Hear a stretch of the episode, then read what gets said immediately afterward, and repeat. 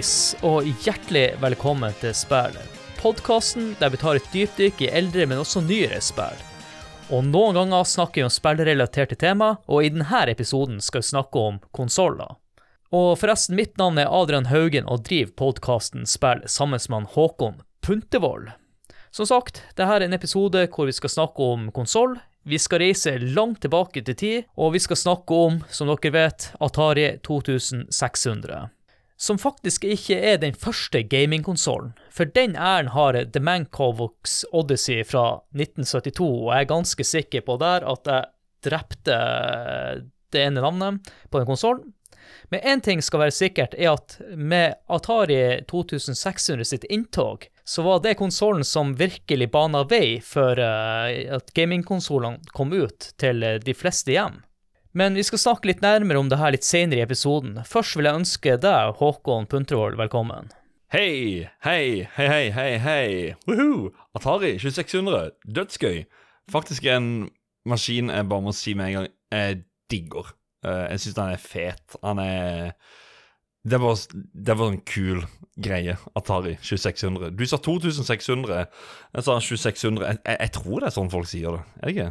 2600? 2600? Ja, vi får høre med gjesten eh, ja. nå snart. Men eh, vi har jo snakka av og til om litt eldre konsoller og datamaskiner, og som regel så har man ikke noe særlig minner til det sjøl eller noe forhold til det. Men faktisk, denne konsollen så har jeg veldig gode minner til. Fordi at det var en gutt i gata vår, og han hadde ei tante hvor han arva konsollene hennes fordi at hun kjøpte seg en ny, eller hadde flere. Jeg er litt usikker på det, i hvert fall. Men han fikk jo en dag eh, tak i en Atari 2600.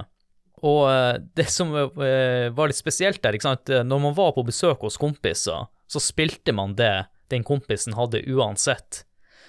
Så han Steffen her, da, han var egentlig ufrivillig retrogamer før ordet retrogaming fantes. Og hver gang vi var sånn, så spilte vi mye ut av de her Atari-spillene, og det var faktisk litt morsomt, synes jeg, for det var litt sånn avbrekk fra Super Nintendoen som herja på den tida når vi spilte den her Atarien. Og jeg skal dele noen mm. flere minner litt senere i episoden her om eh, to spill som han hadde da. Ja, vi kan komme tilbake igjen til det, fordi jeg tenker vi egentlig bare kan hive inn gjesten her med en gang. For uh, vi har vært der før. Vi måtte tilbake igjen. Vi måtte hele veien til Stavanger. Vi måtte opp i det høye tårnet kalt Radcorp Towers. Den ene etasjen, som heter Retro Crew. Der sitter det en kar i en sånn slags sånn trone bygd av eh, Eller som ser ut som en sånn Game of Thrones-trone. Bare bygd på Atari 2600 kassetter. Det er en av de mest uh, Atari-glade personene vi kjenner, så det er ingen tvil på at han måtte være med når vi skulle lage denne episoden. Han har vært med tidligere, så vi får ønske han velkommen tilbake. Ketil Espenes. Tusen takk, Håkon og Adrian. Fantastisk å være her eh, og snakke om Atari. Det vet dere jo at jeg elsker, så tusen takk for at jeg ble invitert. Det setter jeg stor pris på. Det var nesten en selvfølge, syns det, at uh, Atari 2600 Yes, uh, Ketil! så var det jo kanskje litt skjebnen at vi spiller inn i dag, for i dag spiller vi inn på selveste Valentine's Day, og du, Ketil, du oppdaga noe her rett for innspilling. Ja, stemmer det. Når jeg uh, fyrte opp uh, Audacity, så Håkon kaller det for, så så du at den forrige spillopptaket som lå på podkastmappa, det var fra 15.2.2023. Så mm. det passet jo uh, veldig bra. Ja, i dag er det 14. når vi spiller inn, så uh, neste år, 13., så spiller vi inn en episode da òg, tenker vi. Ja, det må være planen. Det må være planen. Det var vel kanskje Duke Nukem 3D vi prata om da, tror jeg. Ja.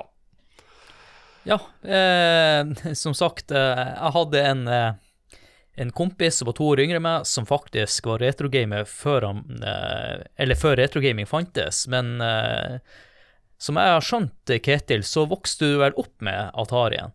Jeg gjorde det. Jeg vokste jo da ikke opp med Atari 2600. Eh, eh, jeg, eh, min første maskin som jeg fikk, var en Atari XE Game System, som er en hybridkonsoll mellom en 64 kilobytes datamaskin og, et, og en konsoll, som kom ut i 1987.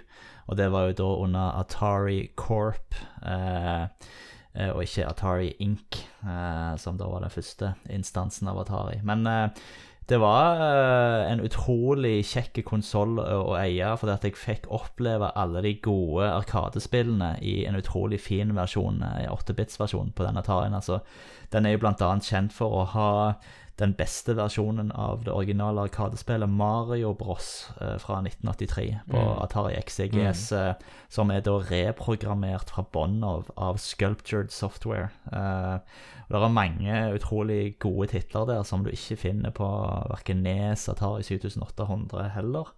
Eksempel òg Donkey Kong. Eh, Donkey Kong til Atari 8-bit er den eneste versjonen der du har alle nivåene intakt, som på Arkade-versjonen, og du har òg introscenen. Så eh, det var Ja, en liten fun fact stemmer. om Atari XE. Uh, men det var jo ikke den konsollen jeg ønskte meg. Uh, altså, når jeg ville jo egentlig aller helst ha fått en Nes eller en eh, Commodore 64, for det var jo noe av det kameratene mine hadde. Men foreldrene mine hadde jo ikke peiling på dette. her, så De gikk jo bare og kjøpte det billigste de fant. Eh, og det fant de jo da inne på en eh, butikk som heter Birkemo i Stavanger, som er i dag egentlig er mest kjent for å selge Halloween-outfits. Eh, og det er sånn hobbybutikk som bare drev og solgte Atari litt for løye en stund. Eh, for dette var egentlig dette var tidlig 90-tall, eh, og da var jo egentlig Atari helt på hell og på vei ut, eh, egentlig, sånn sett. Eh, så når jeg fikk den, så skjønte jeg jo ingenting. Hva er dette her for noe? Atari, liksom. Jeg hadde jo aldri hørt om det før. Uh, Ja, men ok, så- ja, for det, jeg, skulle- jeg skulle også spørre om Atari 2600. Du hadde ikke sett den heller nå i forkant? Eller noen ting? Nei, uh, jeg ante ikke Nei. hva, hva fader meg dette her var for konsoll. Uh, altså denne her gråe grå dingsen med disse pastellknappene og en eller annen mystisk eh, lyspistol til. Eh, men jeg syns Ja. det var litt kult da med denne lyspistolen. Eh, så jeg husker jeg hadde en som var litt kjapt borte til meg på barneskolen. Og han ville liksom være med meg hjem da for å prøve å spille.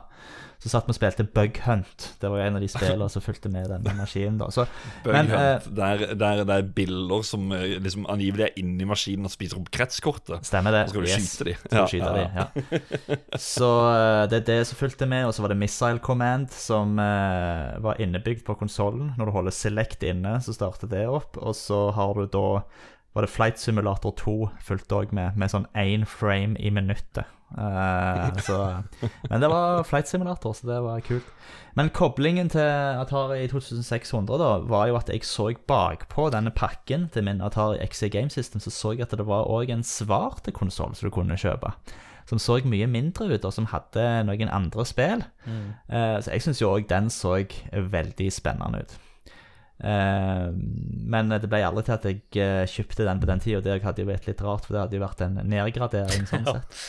Eh, Men jeg var jo da medlem av Atari-klubben, eh, og der eh, eh, Det var en ganske morsom greie. Der fikk jeg et sånt medlemsblad en gang i måneden, der det var liksom Det var i svart-hvitt, for dette var sånn tror, tror dette på den tida det var, var dette blitt redusert til et hobbyprosjekt hos en kar. Mm.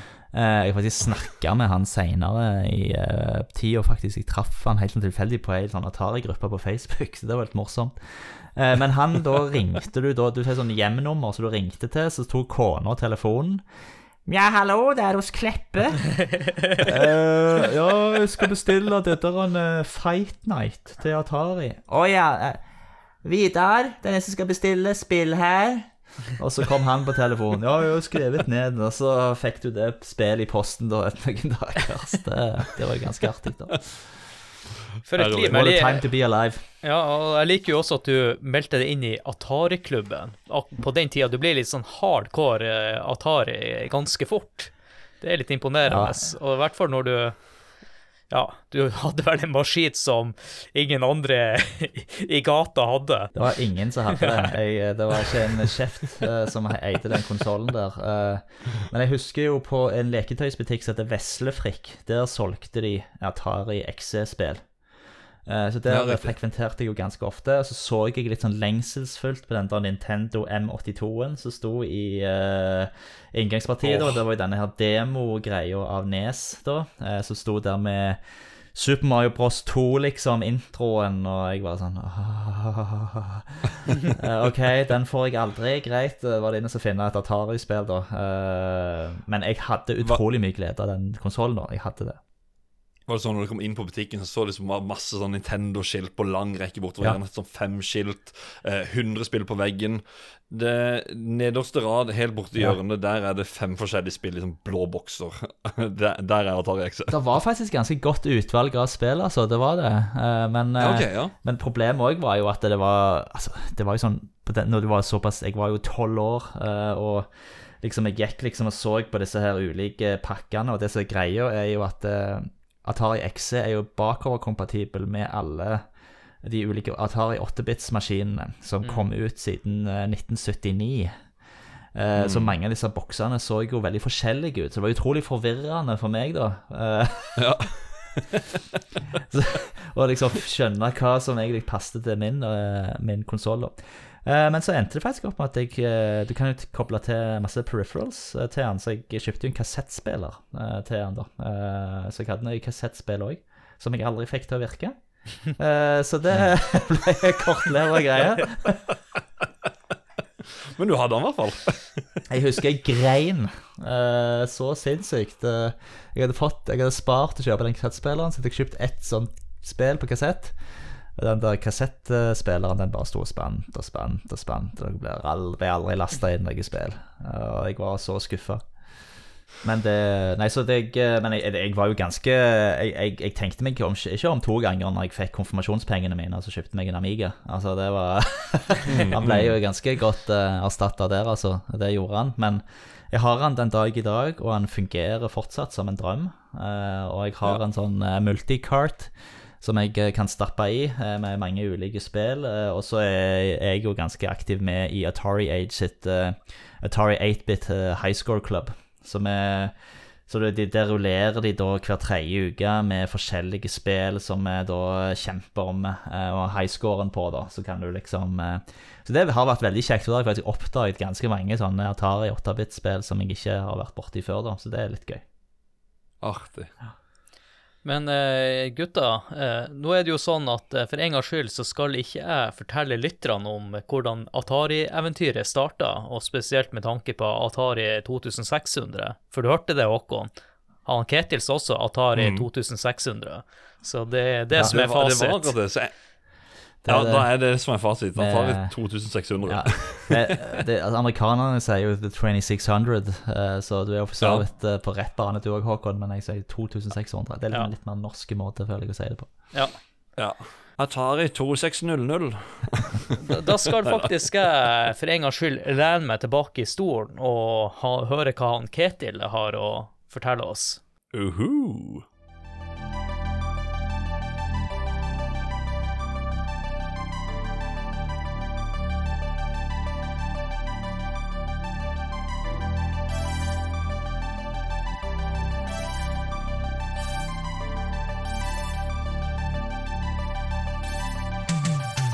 Ja, folkens. eh, Da skal dere få høre litt mer om eh, bakgrunnshistorien til Atari 2600, eller Atari VCS, Video Computer System, som han het da han først kom ut.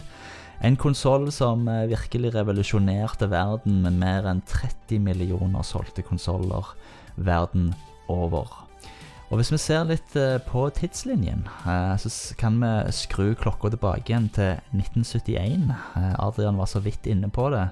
At det, allerede da var starten på en del konsoller, altså første generasjon i form av Magnavox Odyssey bl.a., som begynte å seile opp. Men på Atari sin side så hadde vi jo da han Nolan Bushnell, som da er kjent som en av de to fedrene til Atari. Han solgte da en arkademaskin som heter Computer Space, og da heter de ikke Atari ennå, de heter Nutting Associates. Computer Space var et, eh, en revolusjon eh, i form av arkadespill, eh, men det ble aldri noe særlig suksess. Det var basert på en romskip-skytespill som var lagd på en PDP-10, og som heter Space War. Men i 1972 så eh, kom eh, far nummer én eh, eh, av Atari, Ted Dabney, sammen med far nummer to, Nolan Bushnell. Og da eh, tok de selskapsnavnet Atari Inc. Og Det Nolan Bushnell gjorde videre, var at han ansatte den lovende unge ingeniøren Alan Alcorn. Han kom rett fra college. Han fikk 1000 dollar i lønn i måneden hvis han klarte testen til Nolan Bushnell, nemlig å lage et tennisspill. Eh, Nolan Bushnell løy så det rant av han til Alan Alcorn og sa de hadde en avtale med General Electric for å lage dette spillet. Etter hvert så er Pong blitt en realitet.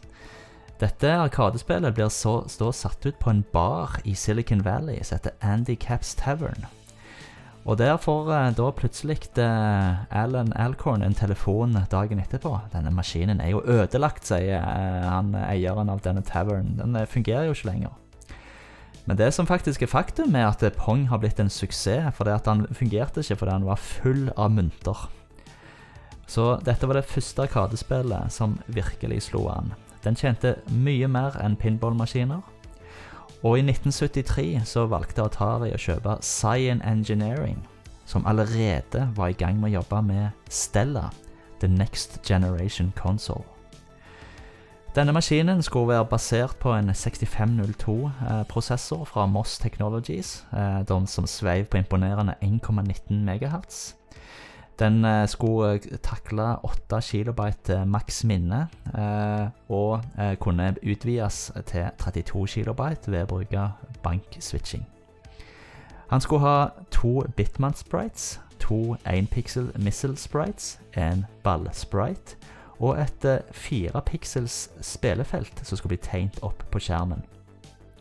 Det var en videohardware-basert arkitektur som var utfordrende å programmere, men dette var en billig løsning og òg såpass kraftfull, og du kunne få god kontroll på det du skulle programmere. Og den som faktisk leda utviklingen av den viktigste chipen, nemlig interfacet til TV-en, TIA, Television Interface Adapter, var Jay Miner, selve arkitekten bak Amiga. I 1975 kom Home Pong, hjemmeversjonen av Pong. Det ble en kjempesuksess med 150 000 solgte, men det var utrolig mange Pong-konsoller allerede på markedet etter en billig lisensavtale med Magnavox, som var først ute med dette spillet. I 1976 så er Fairchild Channel F kommet på markedet. De har slått Atari på målstreken med utbyttbare spill og cartridges basert på rom. Det er da en uh, lite setback for Atari, som fortsetter å gi ut dedikerte konsoller med ett spill på, som Stunt Cycle Home Pong. Og Joe DeCure og Ron Milner og Steve Meyer de fortsetter arbeidet med uh, Atari 2600 med under uh, ledelse av Jay Miner. På denne tiden òg, som en kuriositet, så jobber Steve Jobs med Breakout i Atari. Arkademaskinen, altså.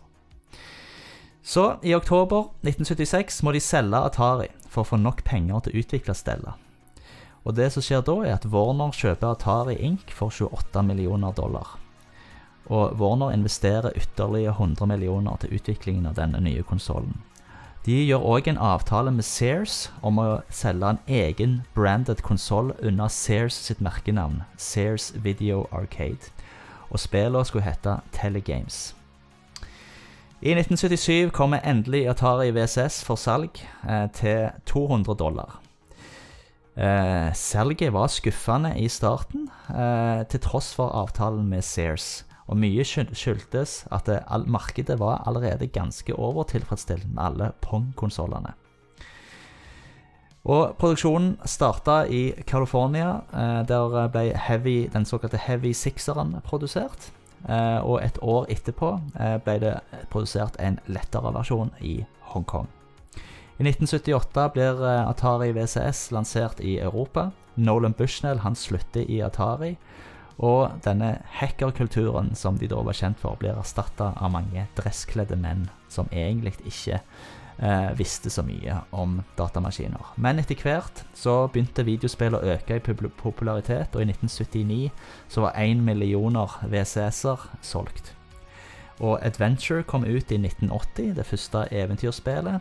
Og i 1980 så så òg Space Invaders dagens lys. Det var en smash hit og sammen med andre spill, eh, som f.eks. Asteroids, eh, så begynte denne konsollen virkelig å ta av.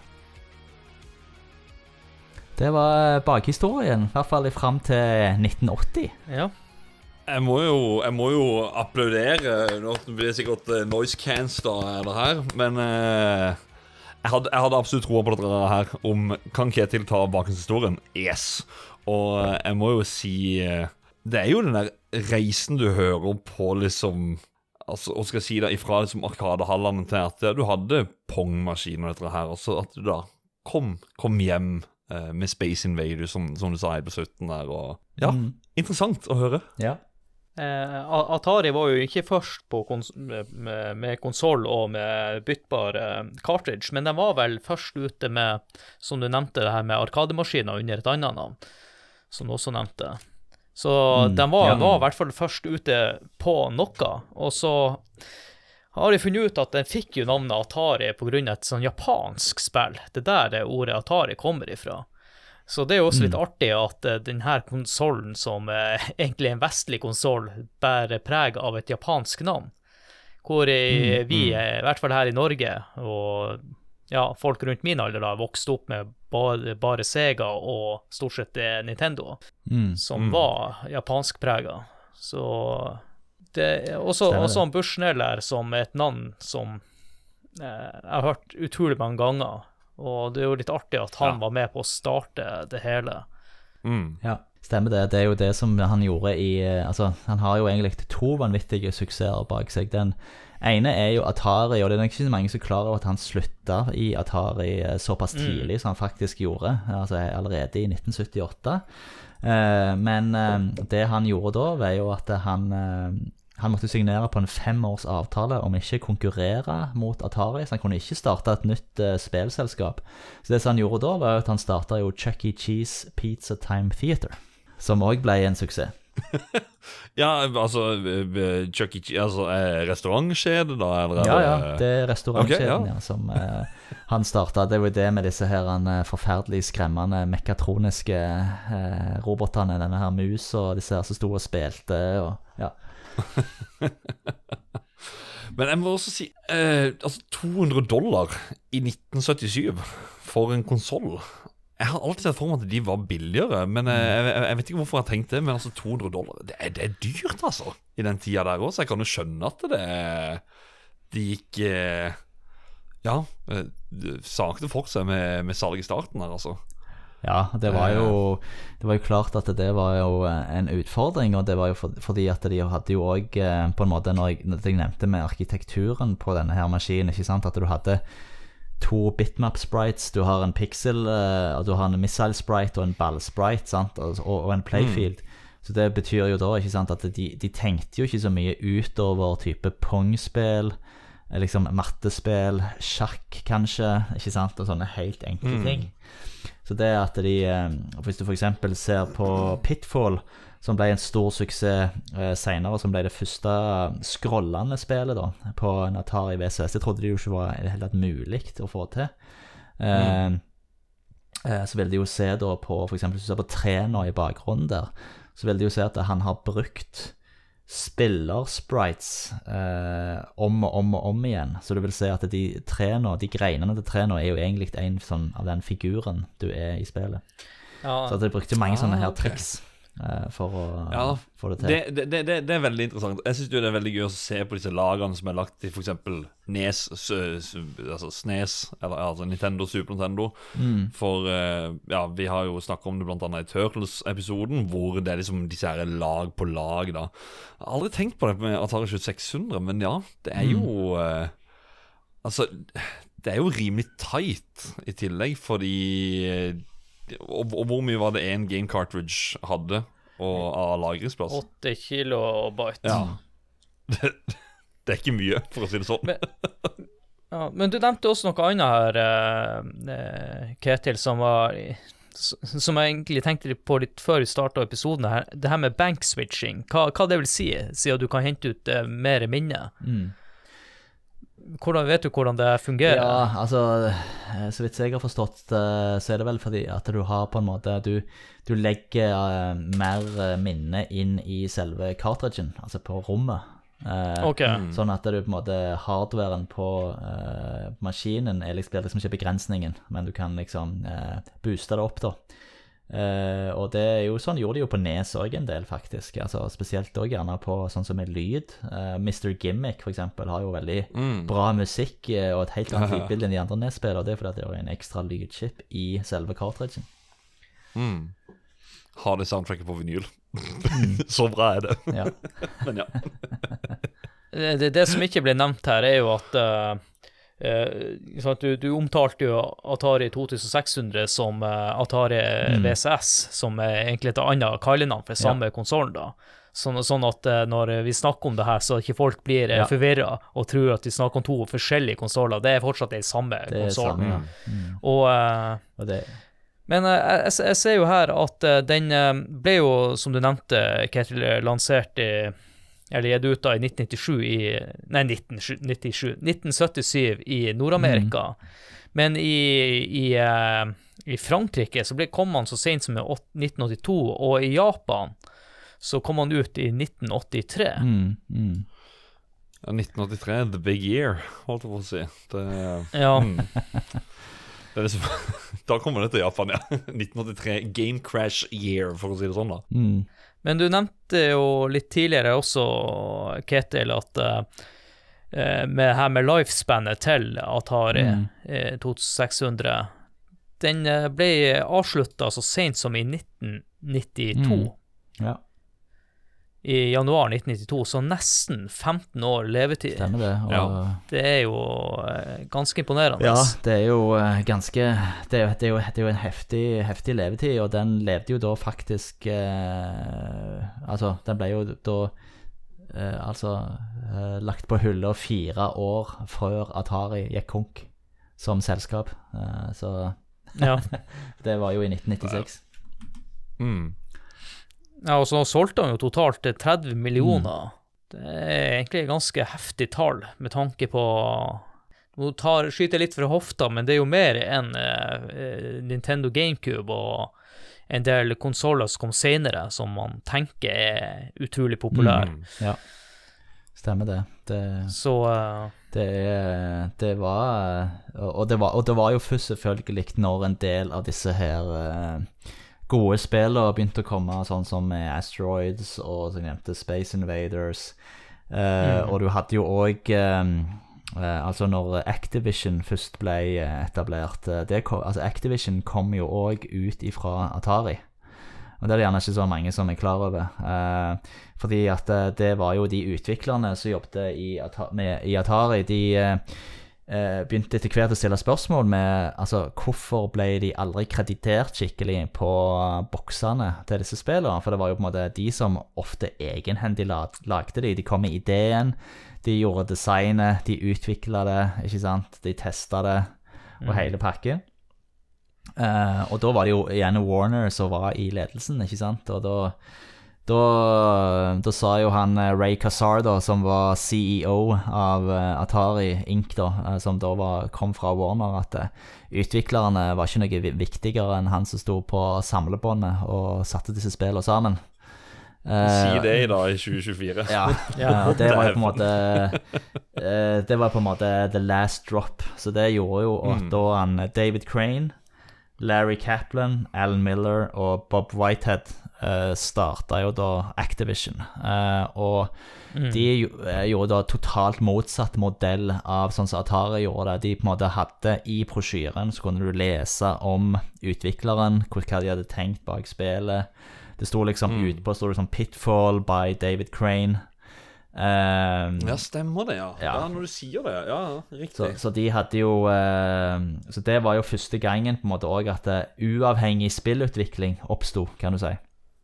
Ja. Eh, så det var liksom Activision og iMagic i tillegg Da, da begynte jo å bli kjent for å virkelig komme ut med, med, med kvalitetsspill som Dragster, uh, ikke sant, River Raid eh, og, og, eh, og disse her. Så det så det òg er jo litt kult, uh, at det òg kom derfra.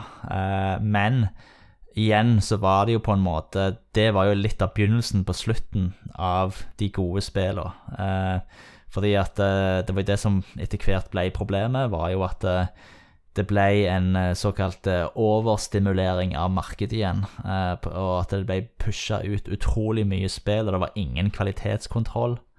Eh, så det ble, uh, det ble rett og slett, folk ble rett og slett lei av å spille dårlige spill, da.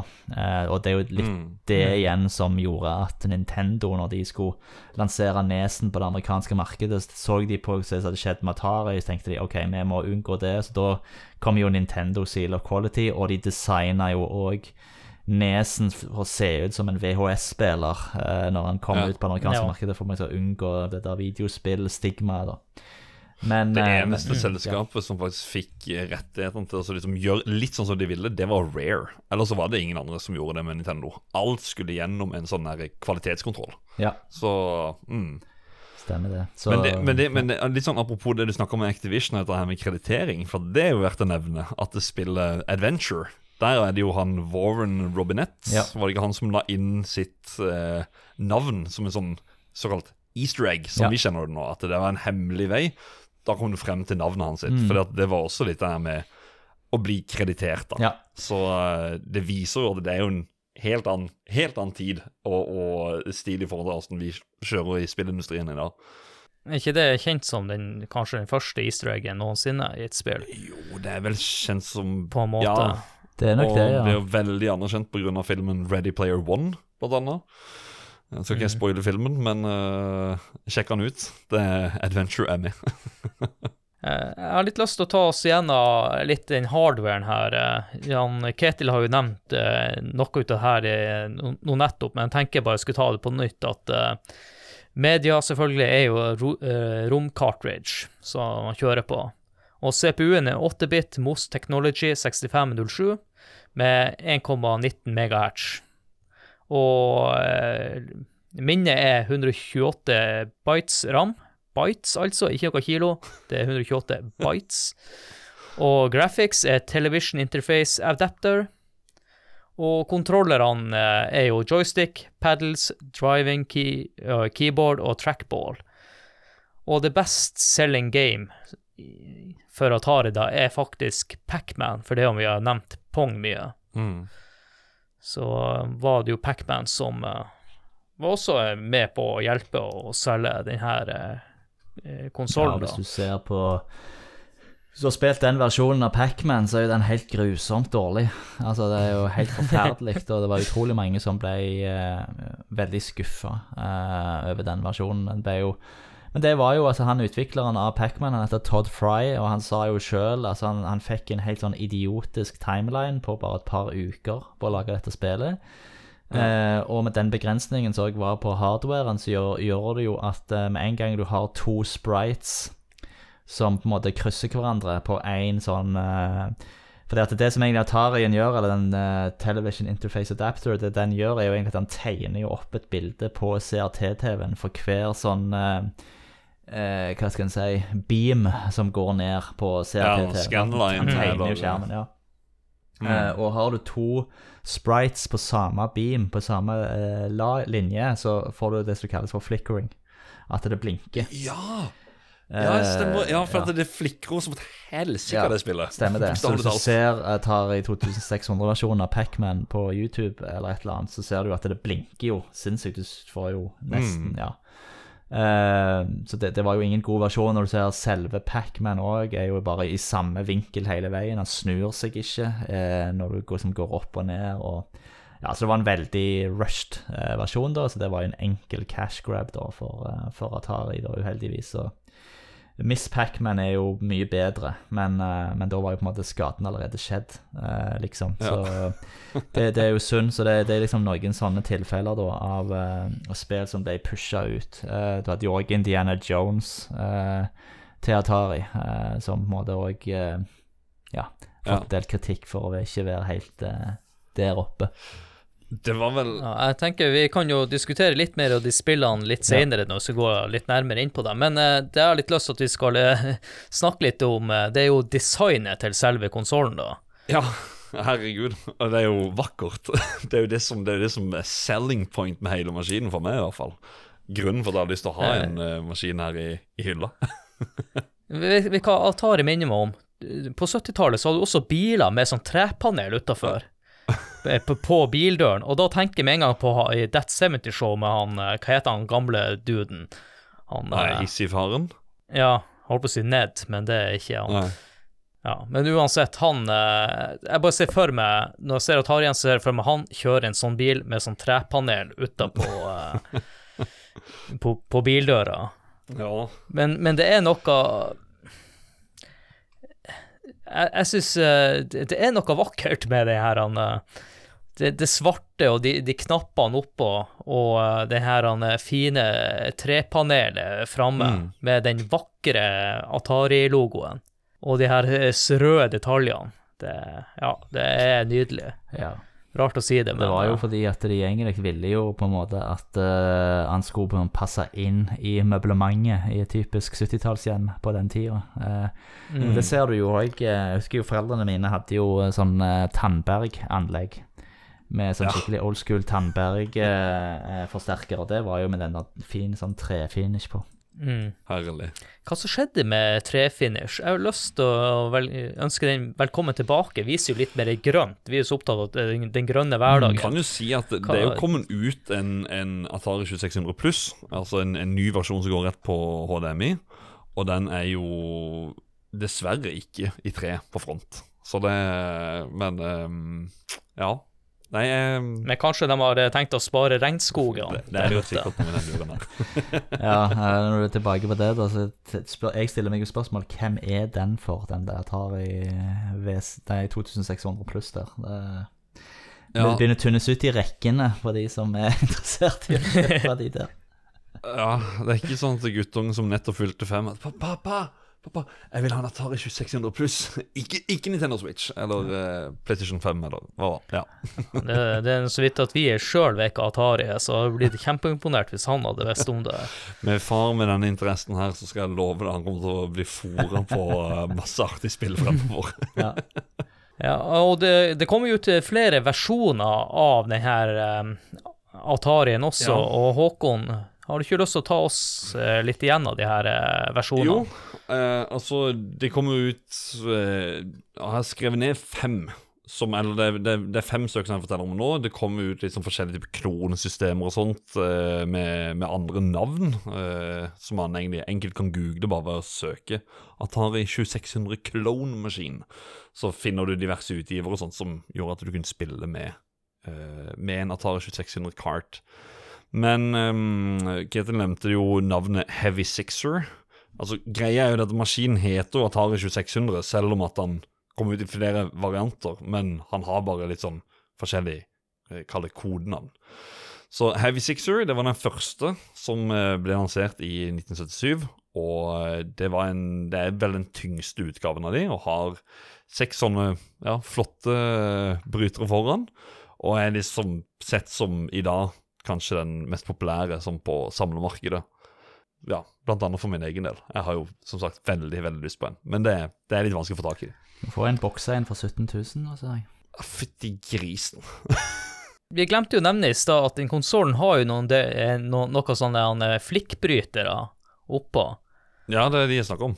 Ja, men eh, Nå datt jeg litt ut her, men vi ja, har vi snakket om funksjonene til de flikkbryterne Ja, det er jo veldig fascinerende. på, på ja, originalen? det, det er jo uh, fantastisk at det er en egen bryter for uh, svart-hvitt og farge-TV. Mm. Det Ja. må jo enhver respektabel konsoll ha, som seg hør og bør. Du Ja, kan ja, kan òg eh, switche mellom eh, vanskelighetsgrad vi spiller, A eller B.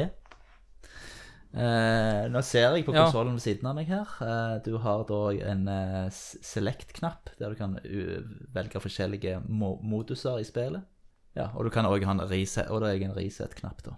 Mm. Jeg har gjort litt research også. Eh, Nå har jeg ikke spilt alle Atari-spill som er lagd, men eh, som jeg skjønte også, så var det noen spill som benytta de her knappene til å være en aktiv knapp i spillet.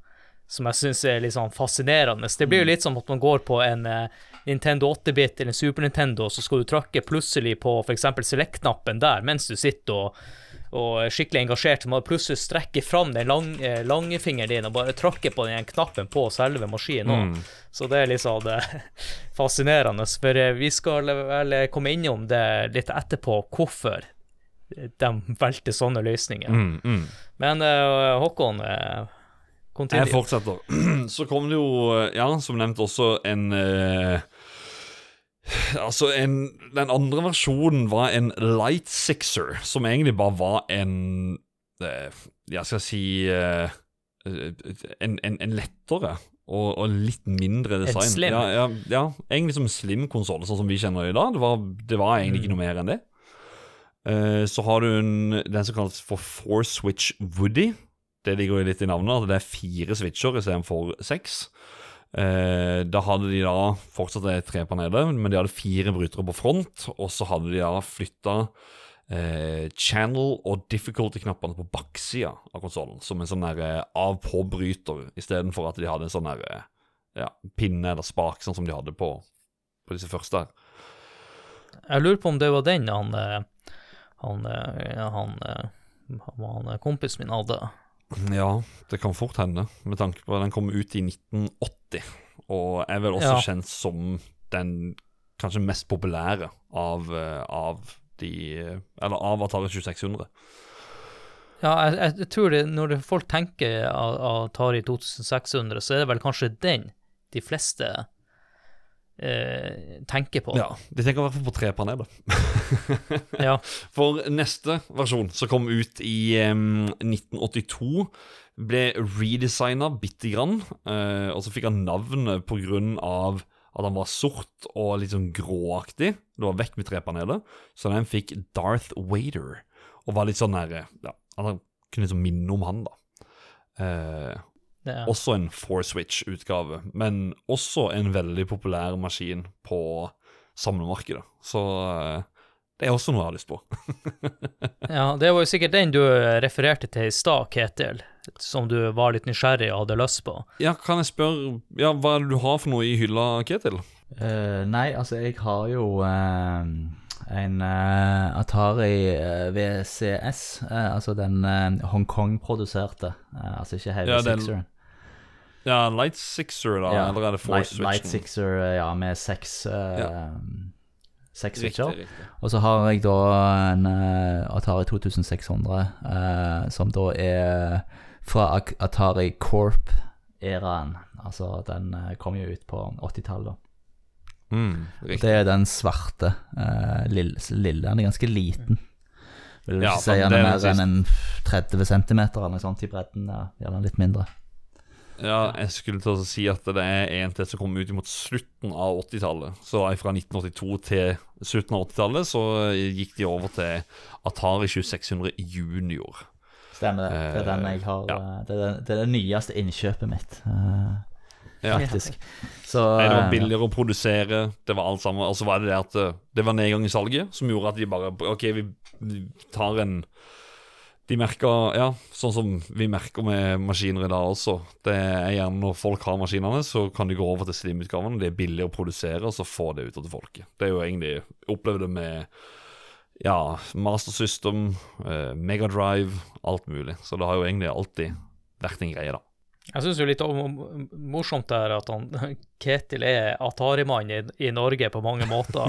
og eh, han er jo Du er jo på du, du er jo litt eldre enn oss, men du er fortsatt eh, ganske ung i forhold til de fleste som jeg tror spilte på Atarien. Som du sa, så var det jo egentlig andre maskiner du hadde lyst på. Ja. Så jeg syns jo her Det blir litt sånn som jeg er født eh, på midten av 80-tallet, at jeg hadde vært helt inne i, Commodore 64, ikke sant. Ja. Så eh, jeg syns det er, er helt Stemmer det. herlig. det er jo, jeg, er jo egentlig, jeg er jo like gammel som Atari når han kom ut i Europa. da. Eh, Altså Han kom ut i 1978, det er jo samme år som jeg er født. Uh, og uh, det er helt sant det du sier. Jeg, uh, men, men så var det nok litt sånn òg at det, Og det oppdaget jeg òg når jeg begynte liksom å, å samle liksom, retrogaming på alvor sånn i 2007, rundt da. For da var det litt sånn at jeg innså jo at eh, mange av disse her maskinene de kom jo ut så utrolig mye tidligere enn det egentlig var vanlig å eie de her i Norge. Mm. Eh, altså sånn så, altså, Jeg hadde jo ikke Amiga før i 93-94, liksom. Eh, og da, da var det jo riktig, da var jeg nok riktig litt seint ute. Det var jeg jo. Men, men, eh, men, men det var liksom Altså, det var i første Commodore 64 liksom kom ut i 1982. Eh, det var jo ingen som ante hva det var. Jo, jo, jeg vet om noe som ante hva det var. Det var faderen. Jeg hadde jo en, eh, jeg hadde en onkel som hadde Amiga 500, og, og liksom han hadde kjøpt en sånn 30 megabyte harddisk til 30 000. Eh, altså, Ja. Vi har, vi har folk som har skrevet inn til oss som fikk de konfirmasjonsgave. Ja. Det kan koste kosta. Det var helt Mm. vilt. Eller noen fikk det faktisk i julegave også. Jeg tør ikke å tenke på det engang. Det, det Det er helt vilt. helt ja, sinnssykt. det var i hvert fall utenfor budsjettet til mine foreldre, for å si det sånn. Mm. Men, men en ting jeg lurer på egentlig sånn Nå, nå nevnte jeg jo disse fem forskjellige variantene. Var det et smart valg, egentlig? For jeg syns det er et veldig spesielt valg. at det er liksom, For maskinene var jo ikke noe annerledes på innmaten. Det er jo det du nevnte i stad, med var Aspects. Det var jo det samme hele tida. Og jeg tenker sånn Kunne de ikke gjort sånn som Gameboy? Bare komme med andre farger? Eller Altså, de redesigna jo hele greia, så jeg tenker kostnadene Gjorde de det smart med Vil det leve lenger, eller er det Ja, jeg, jeg tror det rett og slett prøver å rebrande noe som eh, Som eh, Og den enkleste måten å kanskje rebrande på i stedet for å drive på med utvikling, det er jo bare å skifte ja, selve innkassinga, da. Mm. og designe den og presentere det som noe nytt. Så eh, jeg lurer på om det er noen sånn økonomer inne i bildet her som uh, lyst til å spare penger på utvikling og heller uh, bare kle han i ny drakt. Mm. Og du, på, på en måte så har den jo lyktes, da, med tanke på at eh, ja, levetida til denne maskinen, da. Mm.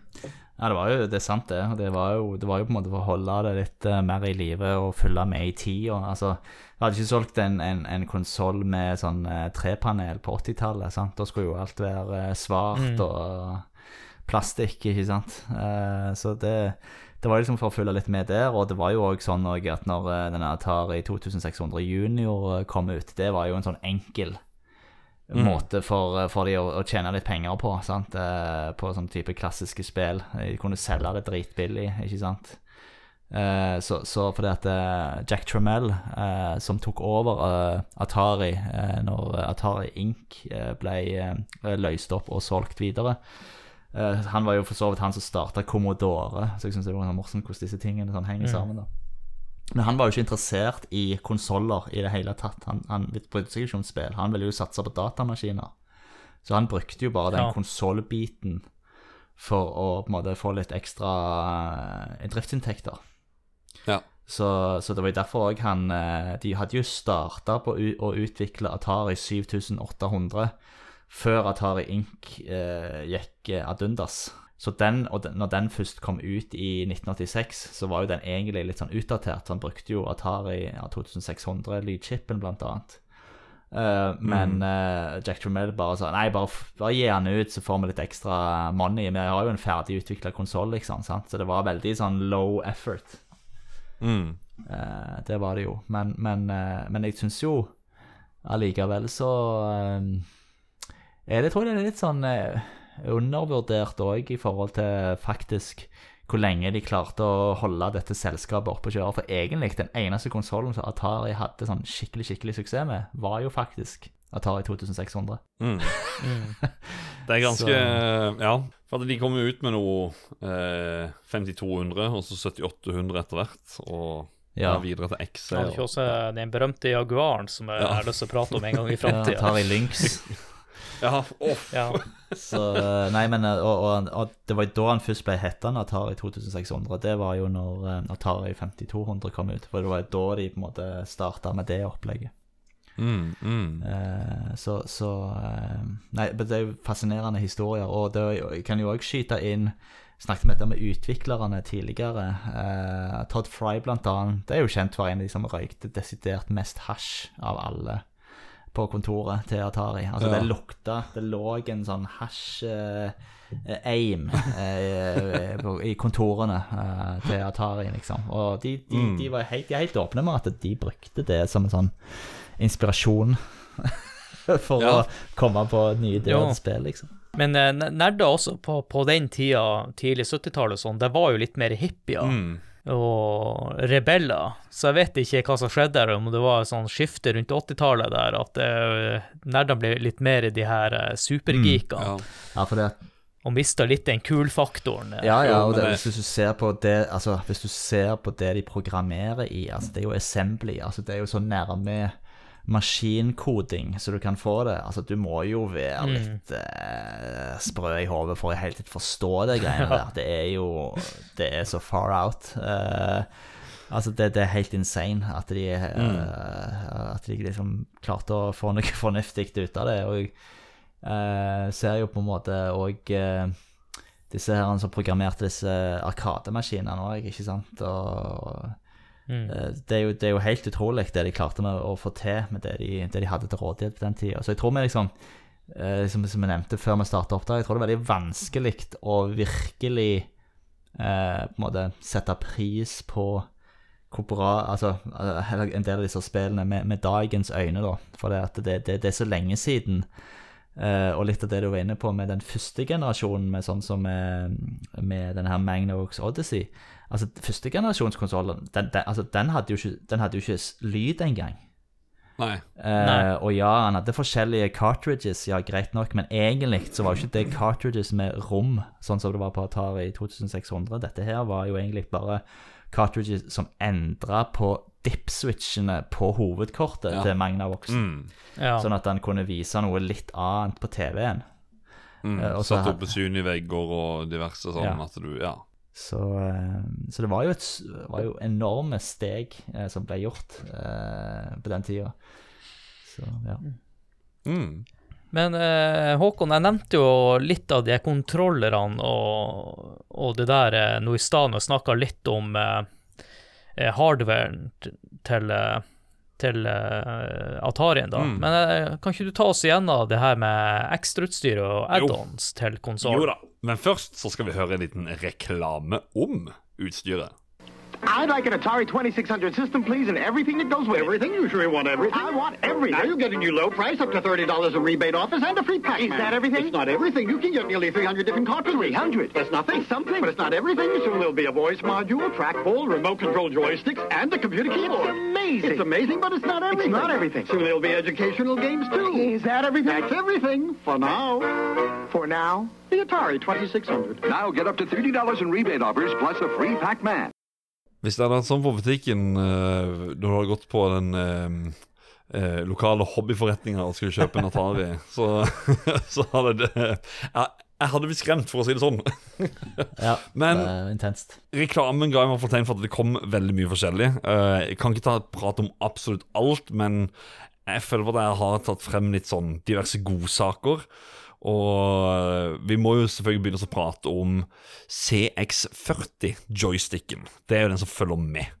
Den mest eh, kjente kontrollen til Atari, og som jeg tror nesten er like Altså, kontrollen er nesten like kjent som logoen til Atari. Altså sånn, den, den til, altså Joysticken har jo bare vært på T-skjorter til folk, og eh, Jeg vet ikke, det er, det er, en- det er sånn, nesten litt sånn hipp greie, sånn som du ser at det, dagens kids som vokser opp i dag, de går rundt med en eh, eh, Nirvana-T-skjorte. sånn Nirvana det er jo way back, så samme er det jo med den kontrolleren. Den går de også med på T-skjortene. Hva er det for noe? Nei, de har ikke peiling. Men superikonisk. Det er superikonisk, men jeg har litt lyst til å nevne det med, med reklamen. Mm. Du bare hoppa rett over. Jeg hadde, hadde noen kommentarer til det. Det som blir fascinerende, spesielt på den tida, så var det vel enda vanskelig å få reklameplass på TV. Så du hører at alle de her snakker så utrolig fort. Ja. Og så noe jeg husker fra når jeg var lite og så på sånne leketøysreklamer, så plutselig sa han veldig fort må kjøpe separat. ikke sant? Så jeg, jeg skjønte ikke hva det betydde. Mm. Jeg, jeg sikkert 20 år før jeg skjønte at man sa må kjøpe separat, Ja. Sånn at eh, du, det ikke følger med. Det var det, men de prata jo så fort, så ja. Og det gjorde de også i den reklamen her, så jeg fikk ikke med meg alt det de sa i den reklamen, for å være helt ærlig. Nei, det gikk fort unna. Det skal sies at det er han som eh, var, Han har vært i Guinness eh, World Record-bok for å snakke kjappest. Han eh, har blitt ansatt til veldig mye reklamer, blant annet leker, eh, spill og, og alt mulig. Da i USA, vel å merke. Men jeg vet i hvert fall om én, her er litt internt, da, som setter pris på sånn her fort prating, og det er han eh, Ole Markus som heter Olmavi på discorden vår. For han har jo sagt at han hører episodene våre i en og en halv hastighet.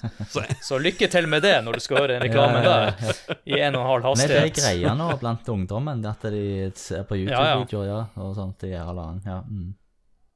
Ja, det må nevnes at han er jo noen år yngre enn både meg og Håkon, så Ja.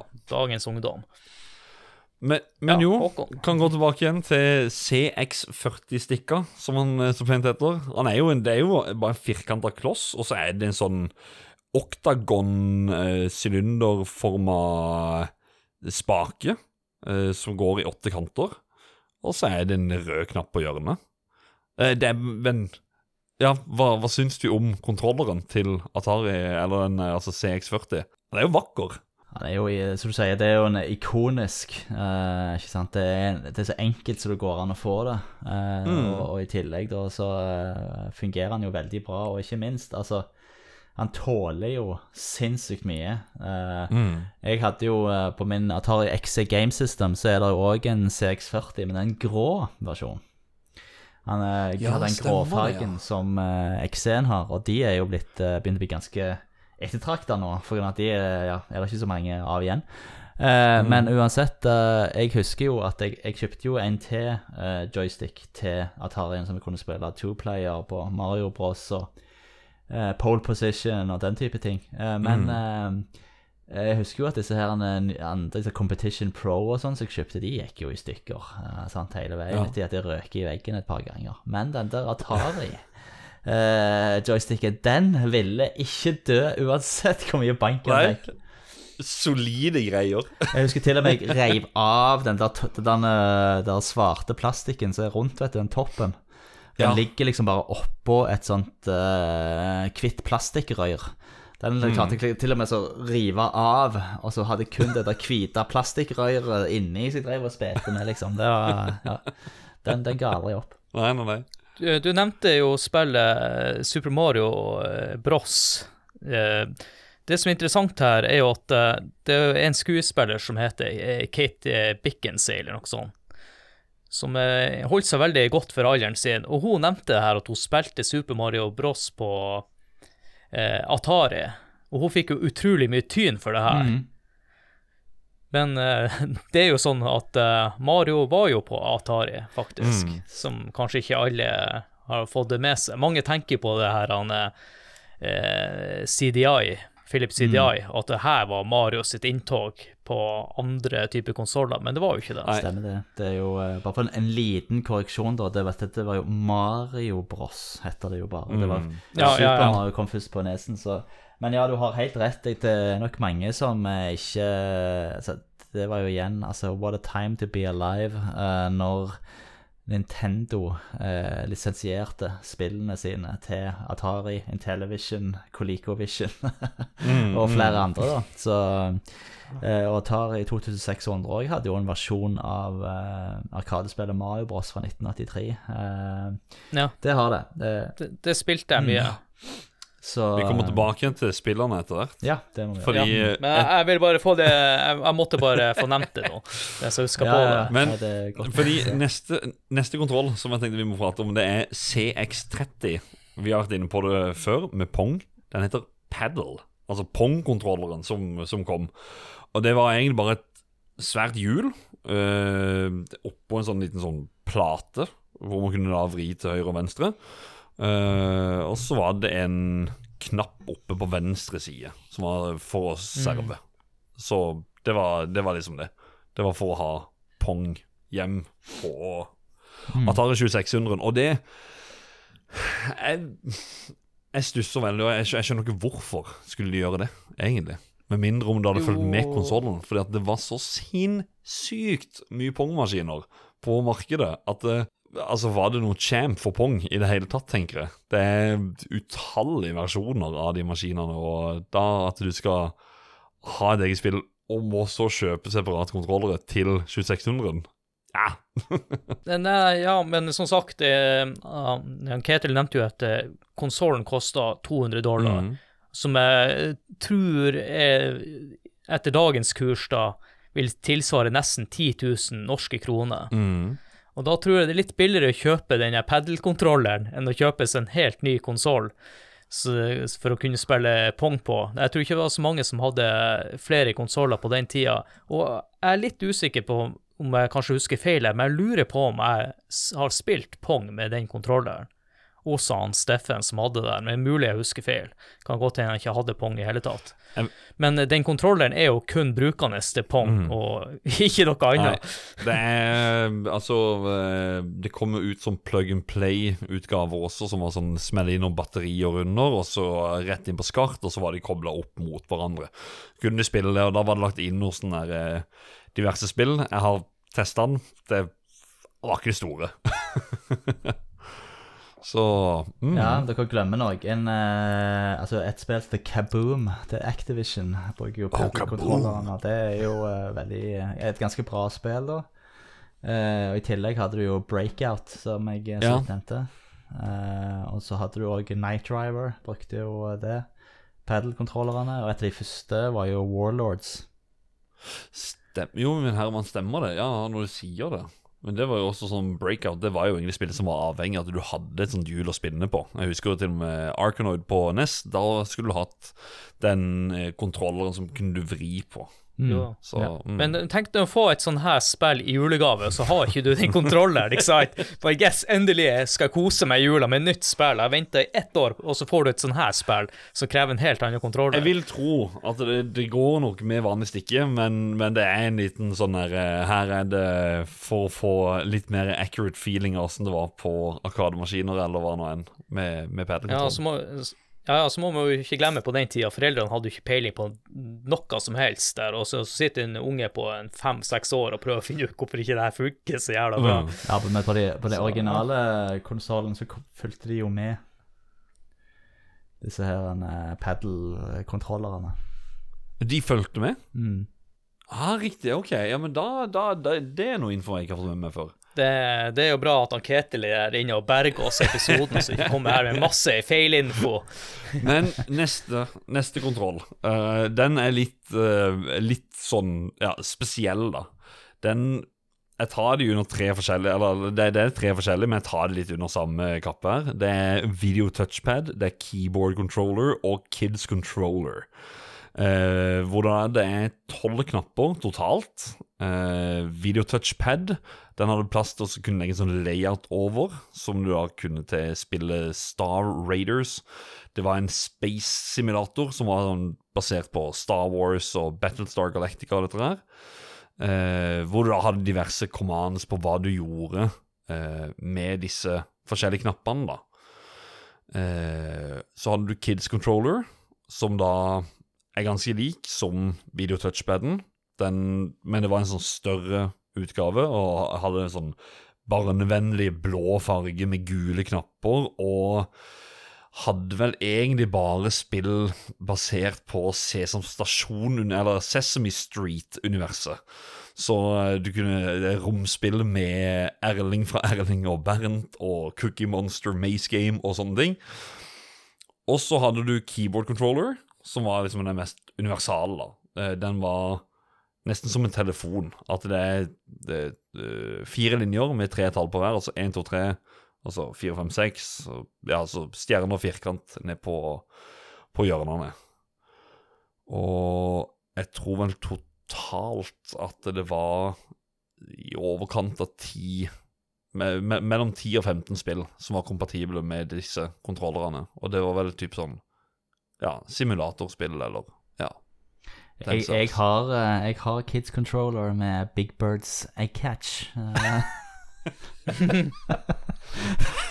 Å, kan ikke jeg komme på besøk lørdagskveld og bare sitte og game? Det er game night! Hva skal vi spille for noe? Big Bird til Atari? oh yes, Big Birds I, I Catch I'm med Kid Controller som lukter av eh, gammel uh, rullerøyk.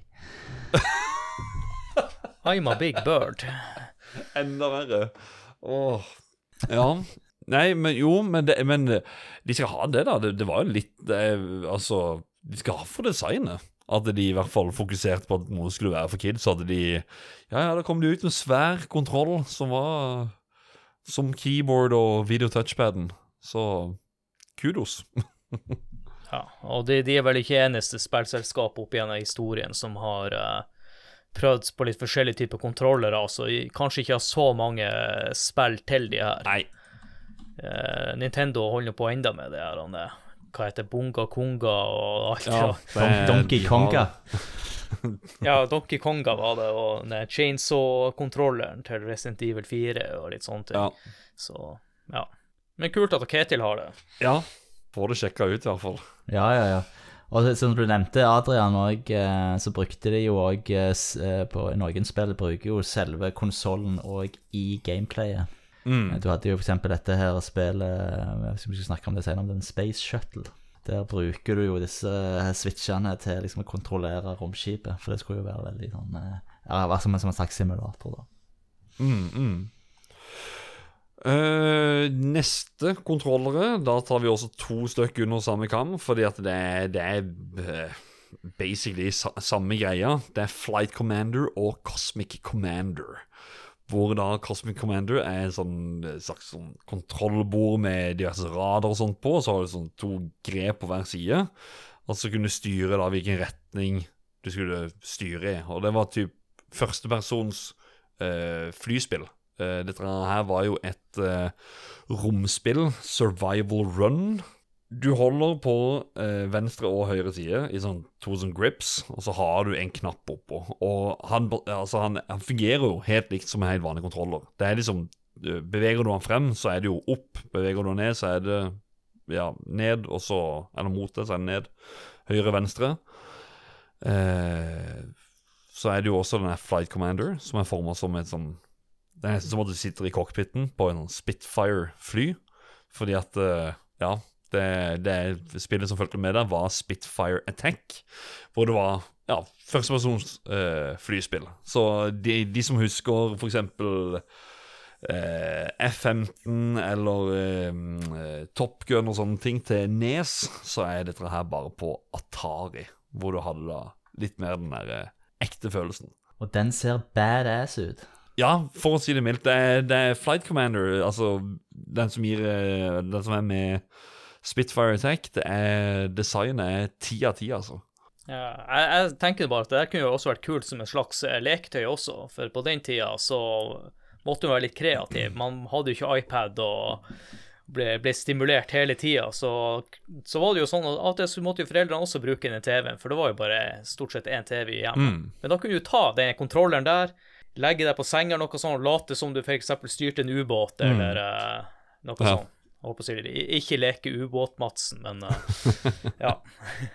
Så er det en ting til som ikke er Det er mer tilbehør til konsollen, som er litt mer på kallet for å passe inn i hjem, sånn som uh, Ketil nevnte tidligere, med at det nesten gikk over til VHS-designet. At han skulle liksom gli godt inn der. Så hadde du Videostack Game Center. Eh, hvor det er da en Det er egentlig en boks med sånn trepanel foran, hvor det er et lokk oppå eh, som du kan, legge din Atari 2600 på. Og så, hvis du tar av det lokket, så har du forskjellige lommer som du da kan legge cartridgene oppi, og så har du plass til to stikker. Så det er sånn oppbevaringssystem, da. Eh, og så har de jo Sånne ting som han, eh, Håkon synes er kult, uh, som ikke jeg bryr meg Ja, om. det tar seg Håkon, du elsker jo sånne Det ting. hadde tatt seg godt ut med den Tandberg Sølv Super 11 som har rett bak meg her. Det er med mye trepanel. Men jo, så er det jo prikken over i-en da, på denne her. Det er at Sånn som du husker på vinylspillere, så har de der eh, gjennomsiktige coveret over. Det er akkurat samme greia på denne her. Så det Du kan lure folk også til å tenke at der er det en vinylspiller, men mm. heller en Atari 2600. Så finner de Steeplechase og Adventure og Oh my god, it's a treasure. Warlords. Ja. Neste, nest siste, uh, Spektra Video Compumate. Det er tastatur til Atari 2600. Uh, altså Eller tastatur. Det er jo egentlig mer, på en måte. Eh, det er som at du egentlig kobler til en PC, eh, basically. Det er en eh, cartridge som du da legger oppi, og den har en sånn eh, Ja, kan en redusert versjon av Microsoft sitt Basic. Så har du mulighet for å laste og lagre programmer via lydkontaktene på sida. Og så kommer han med et uh, musikk og et uh, overraskende nok brukbart 8-bits tegneprogram, som uh, du også da kunne lage ni bilders animasjoner med. Og dette her var jo også tastaturet du, du lempa det rett opp på konsollen. Så det var jo sånn der Fikk litt sånn futuristic touch til de som ønsker å se en Eller som ønsker seg en Commodore 64 eller Amiga 500, den slags. Sånn løsninga Ketil måtte velge når han ikke fikk Amigaen, når han egentlig, egentlig ville ha det, måtte vente helt til eh, nesten midten av 90-tallet, for han fikk eh, kloa i det. det. Var Det var fantastisk når jeg endelig fikk den. Det, det var det. Men eh, den, den ble jo òg til slutt ofra for en eh, stygg Olivetti Pentium 75 MHz. Så Ja. Nå sender jeg dere til et bilde på Messenger, for at den siste biten den er noe de har kobla opp sammen på med Spektra-videoen, altså tastaturet. Det er romscanner fra Marjack Technology, som gjør at Atari 2600 ser ut som et futuristisk våpen, basically. Eh, du nevnte den litt tilfeldig, eh, at det, det ble nevnt eh, M82 demo-uniten. Det er basically samme greia. At du da eh, Det var en sånn tislots eh, skal jeg si cartridge-holder som du da kobla til Atarien, som gjorde at du Ja, du kunne ha ti spill på denne her, så kunne du bare trykke på spill nummer én eller spill nummer fem, spill nummer ti, så valgte du det her med, med en gang, da. Ja, og M82-en var jo en demo-unit som sto i butikkene, som hadde tolv spill eh, innebygd på denne her. Så da Det var Atari, eller May, eh, Marjack Technology, var jo ute før Nintendo med dette her, men eh, utrolig nok. Ja. Så den, eh, den var faktisk ny. Den var ny for meg. Den har ikke jeg sett før. Nei. Eh, er minner meg faktisk Designet på den der cartridge-switcheren eh, minner meg om eh, når jeg fikk eh, til jul av en eller annen merkelig grunn sånn eh, greie til å lade batterier. Eh, Den så litt sånn ut. Ja, jo, men, men faktisk, ja, for at folk skal skape seg et bilde Ja. hvordan han ser ut, så er det Det er faktisk sånn han ser ut, ja. Ja, ja. At du Jeg, jeg liker at han, Ketil får ting eh, som eh, ingen andre har i Norge, nesten. Det er bare, bare de supersære tingene. Så kudos til foreldrene til Ketil. Ja, Jeg ja, digger ja, ja, det er Altså, du vil ikke tro det rare. Jeg fikk- faktisk nå i eh, Husker jeg, det, var i 2015. Da kjøpte far min spionpenn til meg og broren min. Altså en sånn med sånn, ja, altså med sånn kamera inni og USB-stikk. Så jeg bare satt og så på han på julaften med denne, liksom. Og hva hadde du tenkt jeg skulle bruke denne til? Ja, legendarisk. Det. Ja. Nei, Ja. det var i grunnen det. Uh, gå inn på nett, folkens, og søk på eh, Atari 2600 Spektra Video Room Scanner. Da får dere opp det bildet som jeg har sendt til gutta her nå, med Ja, som bare gjør maskinen til noe helt annet enn det en er vant med. Og så litt sånn disclaimer, noe dere sjekker det her, så gjerne, hvis dere kjører bil, så kjør bilen inn i ei busslomme, et eller annet, stopp bilen der, og så ta opp mobilen. Ikke sjekk der mens dere kjører. Ikke, For jeg vet at det er en del som hører på episoder mens de kjører bil. ikke Atari 2600 mens du kjører bil. Yes, vi går over til spillerne. The fun is back. Oh, yes, siree. It's the 2600 from Atari. It's the video system with classics galore. From Space Invaders to cars that roar. A real hip joystick controls the screen. Solaris is hot and Midnight Magic's mean. And one more thing, it's got a special low price. Under 50 bucks. 50 bucks? Now, isn't that nice? The fun is back. Oh, yes, siree. It's the 2600 from Atari. Yes, vi skal jo snakke om spillene som han, Håkon akkurat har nevnt. Eh, og vi kan jo trygt si at spillbiblioteket til Atari 2600 er ganske stort. Og det ble vel laga i underkant av 600 spill til konsollen. Og det er jo et ganske høyt tall med tanke på mange andre konsoller vi har snakka om. Og så må vi også ikke glemme at eh, spillene er ganske simple, med tanke på at de var kun på 4 kilobyte med lagringsplass. da. Og så programmererne, som vi nevnte tidligere, måtte jo være veldig kreative når de skulle lage de spillene her. Og eh, Håkon, hva er det første spillet du har lyst til å trekke fram? Ja, øh, var litt usikker på hvilken. Jeg skulle begynne med The Big Bang, eller bare ta litt den historiske. Uh, jeg tar det historiske først. Det er ET, som øh, folk øh, sier er verdens dårligste spill, og alt mulig. Jeg vil jo bare si nei. Det er det jo så absolutt ikke. Det fikk jo en ufortjent skyld på grunn av videogame-crashen som skjedde i 1983. Vi kommer nok til å ha en egen episode om det. Det er sikkert noen som har vært litt sånn Ja, da må jo snakke om videogame crash, men uh, det kommer nok sikkert som en egen episode. Uh, der var det Howard Scott Warshaw som brukte i underkant seks uker på å lage et spill, uh, basert på ET, for han hadde jo lagd um, dette her er Indiana Jones, Raiders of the Lost Ark, blant annet, og ja, skulle da lage et spill som skulle ligge, ligge under alle juletre i 1982. Eh, han drar til St Steven Spielberg. Uh, Spielberg vil egentlig ha et uh, skal si, Pac-Man-aktig spill. Uh, Warshaw sier nei, vi skal ha noe annet, og uh, ja, lager da ET, som er Det har mye mangler. Det har det. Du skal være ET og gå rundt på forskjellige skjermer, dette ned i hull, og i de hullene så er det deler til en telefon som gjør at du kan ringe til romskipet, og da reise hjem igjen. Um, tidligere nevnt så er det jo disse her spakene foran, og det er jo det som er veldig viktig med et spillet. Uh, for at på game uh, Du kan velge sånn game mode, og på game mode 1 så er Elliot, FBI og en sånn forsker med. På game mode 2 så er det bare FBI og Elliot. På game mode 3 så er det bare Elliot. FBI de fanger både det og tar eh, telefonlederne.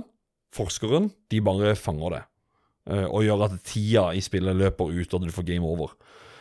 Eh, når du da er på game mode 3, så er det ikke noen hindringer. Da er det bare å finne de delene inne, innen tida er over, og så klare å komme seg frem til romskipet helt på slutten.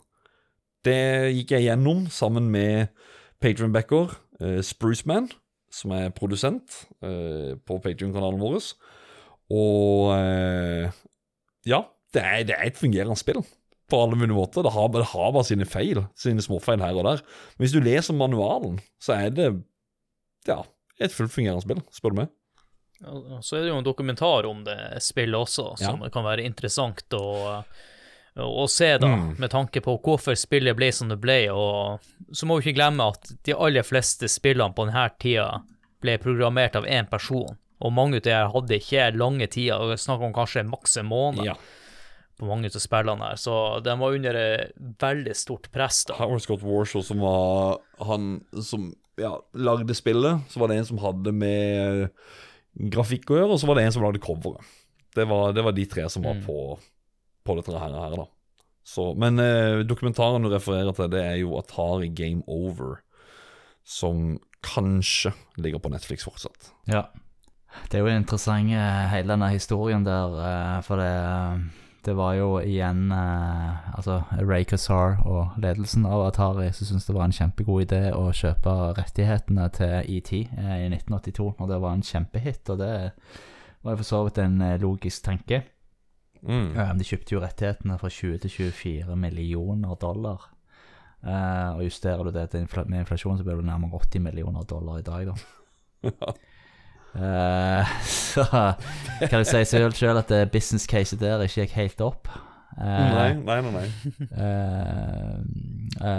Nei, faktisk så var det en som het Steve Altså, det var han Steve Ross som var CEO av Warner, eh, som måtte ville dette her. Men Ray Kassar han mente dette var en litt sånn dum idé. Altså, Hvorfor skulle vi lage et spill ut av en film? liksom Det hadde de liksom måtte ikke gjort eh, tidligere, da. Men det hadde de jo faktisk, for det Howard, Howard Scott uh, Warshaw han lagde jo òg Raiders of the Lost Ark, basert Ja. på Indiana Jones. Eh, Mm. men det spillet brukte han jo eh, seks måneder på å utvikle. Ja.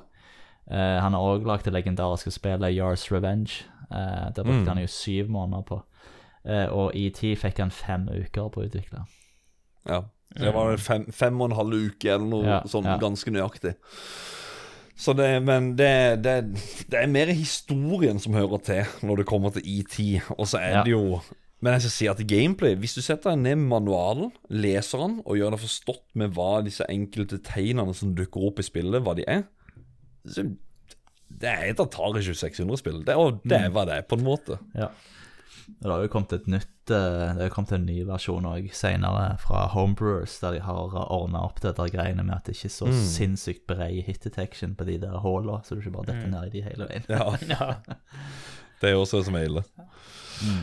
Jeg er jo spent å høre, Ketil, hva er det første spillet du har lyst til å trekke fram? Eh, aller første spillet jeg har lyst til å trekke fram, er faktisk uh, A River Raid. Ja. av eh, Activision. Eh, og grunnen til det er at eh, der òg er det jo en litt sånn spennende historikk uh, knytta til det spillet der. Eh, men først og fremst, hva er det egentlig River Raid går ut på? Eh, jo, eh, du er et eh, Det er et fly. eh, som eh, flyr over en eh, elv, en never-ending eh, river. Eh, som da eh, Der du møte da flere fiender, eh, annet eh, krigsskip, helikopter, eh, andre fly. Der er tankser som skyter på deg. Det er til og med noen eh, kamikaze varmluftsballonger eh, som driver og prøver å fly rett på deg, da. Dette flyet du flyr, har eh, eh, verdens dårligste tank med drivstoff. eh, og enten, eh, enten så må det lekke eller et eller annet sånt, sånt for at du må jo fylle drivstoff hele veien på sånne små sånne fuel-depoter underveis. Eh, går du tom for det, så bare krasjer hele flyet. Mm. Det er òg noen problemer med høyderoret på dette flyet. Det må det jo være, for du kan jo ikke fly Hvis du prøver å fly eh, der som det er land, så krasjer du rett i landet. Da knuser jo flyet. Så ja. Det er et par sånne logiske brister der som du bare må se vekk ifra. Men uh, utenom det så er det et uh, veldig kjekt spill. Uh, og et av eh, Det var Det spillet kom vel ut i 1982, hvis jeg ikke tar helt feil. Eh, 1982 eller 83, eh, jeg tror det, ja. Eh, og da eh, ble det det nest, eh, nest mest Altså nest mest best solgte spillet eh, etter Miss Pacman. Eh, og det som òg er litt kult, det er at eh, denne personen som utvikla dette spillet, det er faktisk ei dame. Og det var jo òg veldig uvanlig på denne tida. Hun heter Carol Shaw. Hmm. Så hun, eh, hun lagde da dette, dette spillet da, og hadde egentlig ikke tenkt at dette kom til å bli noe suksess. Egentlig så fikk det litt halvveis eh, anmeldelser i, i sånn spillblad og sånt som det, men, eh, men, men det ble en bestselger. Og de Activision eh, et, Altså, hun slutta jo faktisk å utvikle spill eh, etter 83, hun. Eh, og Uh, Activision valgte jo å gi, opp, uh, gi ut uh, River Raid 2 da, litt senere på, på 80-tallet som, som en oppfølger. Ja, nei, det er, jo, det er jo et spill jeg har hørt om, men jeg har aldri, aldri, aldri, aldri spilt det. Og ja, jeg kjenner igjen coveret. Det var egentlig sånn jeg ble påminnet i stad når du sa Activision, så var det jo det er et av de jeg tenker på når Mm. Ja. Så coveret er gjenkjennelig, og har jo hørt om spillet, selvfølgelig. Ja, ja. Ja, mitt spill ut her, eh, det er jo litt de samme historier som han Håkon eh, har nevnt med ET.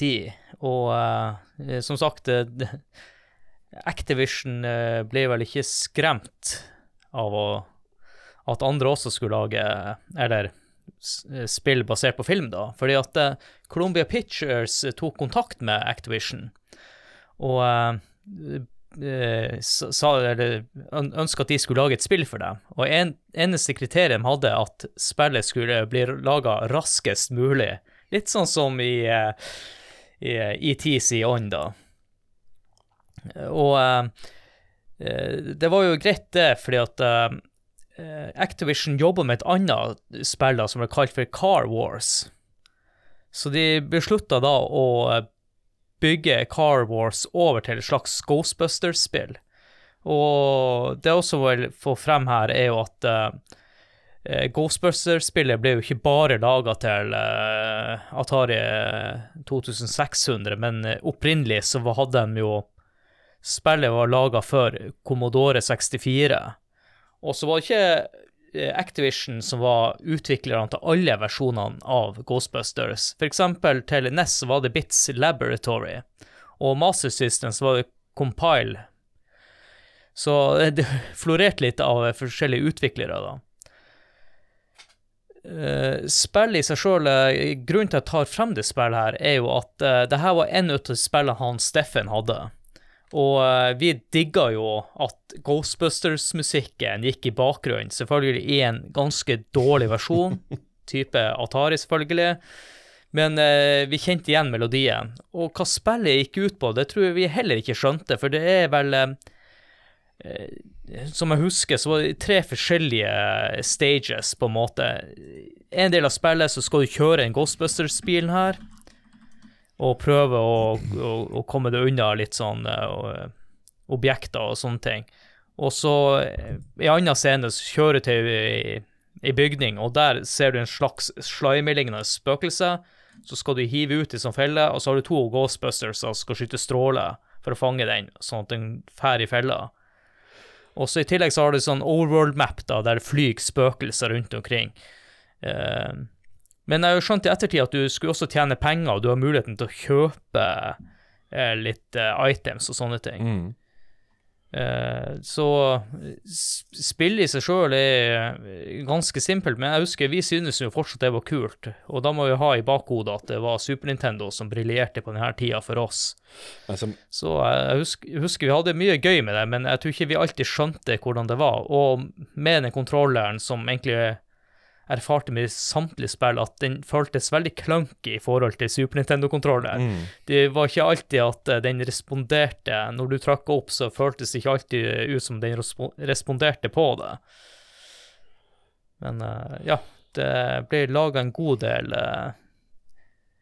fra film til spill på den tida. Jeg skal mene det er det spillet her Jeg skal ikke si det 100% men det er i hvert fall Altså, bybildet, at du kjører bilen og alt sammen, det er ganske likt til Commodore 64-spillet. Jeg skal mene det var én av versjonene som kom ut av Commodore 64. Jeg er litt usikker på om det var flere, eller Jeg har sett, jeg har sett noe lignende før på, på Commodore 64.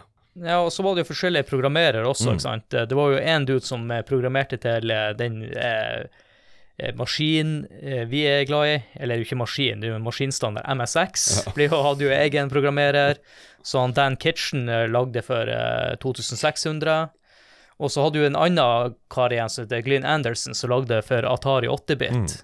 Så, så det er litt uh, artig der at uh, samme spiller lagde av flere forskjellige programmerere med hensyn til uh, den maskinvaren. da. Mm.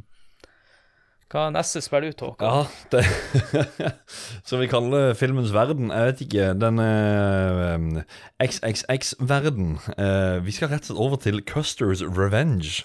Og Grunnen for at jeg tar det, det er ut av eh, syv spill som JHM Limited eh, produserte. Dette her er jo det første de lagde. Og ut av alle de Altså er det kanskje det mest kjente av de også. Eh, de lagde syv spill, og alle hadde sex som tema. Eller por pornografi som, eh, som tema. Eh, I spillet så skal du være ja, Custer, eller General Custer, som er en cowboy som skal over til eh, ei dame som er indianer. Og ja, bort og gjøre sitt. Bort og humpe. Um, om, om, om, om, vi kan gjøre det sånn litt, si det sånn podcast-vennlig. Uh, det som er, er at uh, du er jo egentlig Det, det er jo bare ett bilde som, som dette her skjer på. Så er det noe som Jeg tror alltid det var regn. Uh, når jeg har testa det først, så var det var regn eller et eller annet. Men det, er det er piler som kommer susende ned fra himmelen, og så skal du da liksom navigere deg frem og tilbake, ikke bli hitta. Kommer deg frem til henne og, og gjør ditt. Uh, ja. og Men er ikke det litt spesielt med spillet at hun er fastbundet? Er det sånn? Jo, det er jo også. Så det, det er liksom Ja, ikke så, så du ikke er helt innafor? Det- Jeg skjønner ikke hvordan det slapp, slapp igjennom sensuren Nei, til det. det gjorde vel egentlig fikk ikke det heller, men eh, det var jo egentlig ikke et eh, spill som sånn sett var eh, Men det var jo ikke noe sånn quality control. Du- så- Nei. Nei, Nei. Men, men du fikk ikke kjøpt det på Brio, for å si det sånn? Du fikk Eller, eller der du kjøpte spillene? Det lå Ja. under disken i egne cover som det sto bare 'Not for sale to minors'. Og eh, kosta vel 50 dollar. Så det jeg gjorde da, jeg sjekka litt sånn på eh, inflasjonen. Og eh, drar vel frem til norske i dag, så hadde det vært 1700 norske for, eh, for det spillet. Det Så eh, Nei, altså, spillet er litt tatt med bare på grunn av historien som det har det med seg, kuriositeten at det faktisk kom sånne spill på den tida der. Eh, det var jo National Organization for Women kritiserte jo spillet som nedverdigende, støtende og en åpenbar uttalelse om rasisme og sexisme. Så det er et spill som har fått kjørt seg, men um, som du sa, Ketil, det med at uh, den er, altså quality control, uh, den sjekken her, den er jo glir rett forbi. Og det har en. For å si det Ja, for å si det sånn, han som hadde den jobben, han gjorde en slett jobb. Ja, og så tror jeg de hadde en sånn markedsføringsplan som var Det var liksom bare på grunn av temaet. At, at det, dette her, her er videospill. De visste at de ville selge penger. Eller nei, de visste at de ville tjene penger på det. Så det er jo ikke, det er jo ikke spillet som er det, det viktige her. Det er mer historien rundt spillet. Det er derfor jeg, jeg nevner det. Og at det er en sånn strange thing at det fulgte med. Det er ikke sånn at du sitter og spiller det her på fredagskveldene du sitter inne på Discord. Nei, jeg har testa det en gang før, og det, det, jeg skal ikke si hurra, hurra. Men hvis det er folk har lyst, så kan dere gå på eBay. Det ligger til en sånn 1300 ish. Så det er bare løp og kjøp en kassett. Jeg er spent å høre nå, Ketil, hva spill er. Eh, nei, det er jo Beat 'em and Eat 'em. Uh, nei da. Det var jo et av de andre X-rated spillene, faktisk. ja. Eh, nei, eh, det andre jeg vil snakke om, det er Missile Command. Eh, og eh, Missile Command eh, det er basert på eh, det, selvfølgelig da det originale eh, Arkadespillet, utvikla av Dave Thurr. Eh, det ligger noen videoer på YouTube faktisk av han der han forteller om eh, selve utviklingsprosessen av det. og det var, er jo litt sånn et spill igjen som er veldig prega av den tida, eh, selvfølgelig, som det kom ut på. Eh, altså, det kom ut i 1980. Eh, 1981 på Atari 2600. Og det er, er jo eh, Simulerer jo på en måte da et, egentlig et atomangrep, kan du si. Eh, der det er flere raketter eh, som du ser kommer ned i, fra skjermen. Eh, som du da skal Da, da da eh, Det er din oppgave da å kontrollere eh, ulike eh, missilbaser, da, eh, og skyte missiler eh, på disse som angriper deg, da. Og det kan jo da være i form av eh, ulike fly som kommer, eh, ufoer eh, og eh, da disse her eh, rakettene som kommer ned fra, fra himmelen. Og det du skal jo da gjøre, er jo å beskytte ulike byer eh, som eh, eh, som da kan bli truffet av dette her, og bomba. Eh, så scoringsystemet fungerer sånn at eh, du får bonus eh, for hver by som du da klarer å redde etter hver, redde etter hvert brett. Eh, og for hvert brett eh, så vil jo da eh, disse her eh, ja, rakettene komme fortere og fortere ned fra himmelen. Og det blir mer og mer busy på skjermen. Så det vanskelighetsnivået, eller vanskelighetsgraden, går ganske fort opp på dette her spillet, da. Men det var et veldig Veldig kjent spill i, på Arkade. Det som er da, er jo at på Arkademaskinen så spiller du dette her med en trackball. Og så har du tre knapper for de tre ulike rakettbasene. Du har én rakettbase helt til høyre, og én helt til venstre, så én midt i. Eh, på, når du spilte det på Atari 2600, så har du kun én rakettbase midt i. Som du da, og så bruker du også joysticken til å flytte denne her cursoren, eh, der du skal da eh, skyte. Eh, så ja, så det syns jeg var et uh, Det er et spill jeg har uh, spilt uh, veldig mye opp gjennom. Men det, det er jo også det du sa der med, med det at du Altså, du, du får mer og mer poeng. Det skal sies at Atari 2600-spill, det var veldig sto, Eller stort sett poengbasert. Det var alltid liksom Ja, det, det var, det var high score-spill. De hadde tatt det vekk ifra hadde tatt det med videre ifra, ifra Arkaden. Og så. Så nesten alle spill har så godt som et eller annet high score-system. Så, men du måtte frem med, eh, penn og papir og notere ned sjøl, for det hadde ikke noe saving. Så mm. Nei. Eh, eh, ja, neste spill jeg skal trekke frem, det jo, tilhører jo også egentlig eh, filmens verden. Eh, bare her i tegneserieformat, eller i tegnefilmformat. Og før jeg skal snakke om det spillet her, så må jeg bare rette opp det jeg sa i stad. Jeg rota litt. Selvfølgelig så var jo, som du sa, Håkon, ET er jo lagd av Atari sjøl, da. Mm. Så Activision hadde jo ikke noe med det, så jeg blanda litt der. Men eh, som sagt, Activision hoppa jo på og tenkte at det her må vi teste ut. Men eh, Smurfespillet, eller Smurf Rescue in Gargamels Castle, som spillet egentlig heter, er jo egentlig laga av eh, en konkurrent til eh, Atari 2600, ColecoVision. Og utvikleren er jo Coleco sjøl. Stemmer. Den, er- jeg husker faktisk labelen på det spillet. Den er litt annerledes enn alt annet, føler jeg. Så det Ja, det er noe egne med smurfene. Men al, al, al, aldri spilt det. Så fortell. Nei. Men en som faktisk har spilt det, er igjen shout-out til han Steffen, som var retrogamer før retrogaming fantes. Litt ufrivillig, som sagt. Dette Det her var jo en av de spillene vi spilte aller mest hos han. Det handler jo om at du er en smurf og skal redde den eneste smurfejenta i smurfebyen. Og hun får jo sikkert kjørt seg ganske mye i den smurfe... Så eh, de smurfene har jo begynt å humpe på hverandre, og derfor må de hente henne tilbake igjen. Riktig. Så eh, da følger du jo en av smurfene sin vei fra smurfelandsbyen til eh, Gargamels slott. Så, hvis jeg ikke husker helt feil, så er det alltid bare én fiende på hver skjerm. I starten så skal du bare hoppe over ei elv, og jeg husker vi daua mange ganger fordi at du må trakke to ganger oppover for en slags dobbeltjump, for, for da hopper han høyere. Og det var også veldig kl clunky kontroll, for det var ikke alltid, som sagt, når du trakk det opp to ganger, at han responderte. Så vi daua mange ganger. Det, det med spillet her er at du, du har tid på det.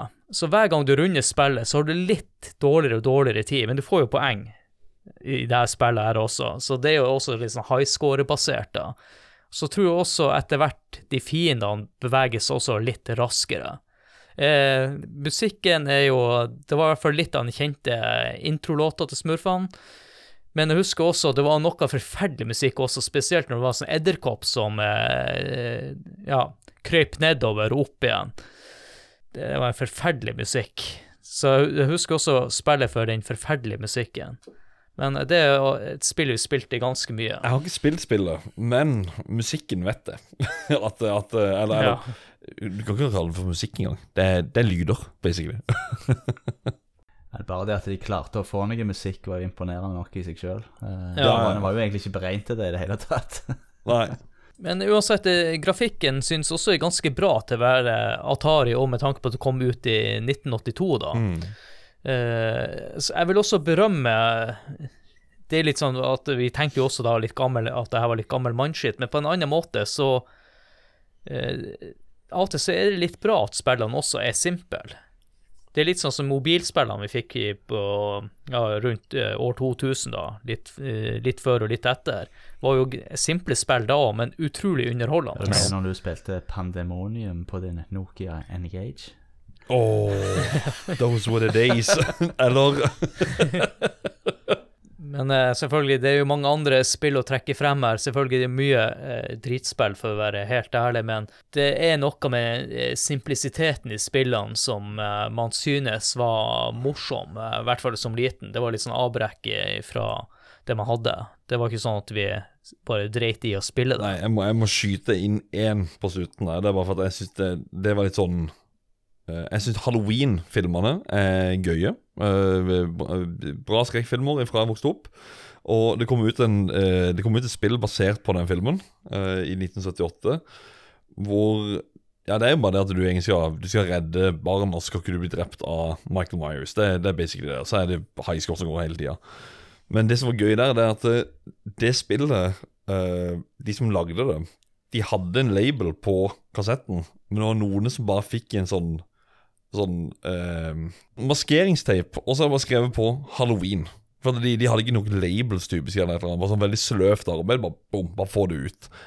Ligger rundt på eBay nå. du må punge ut ca. 7000. Så det er absolutt en kuriositet, det òg. Som jeg bare syns er verdt å nevne.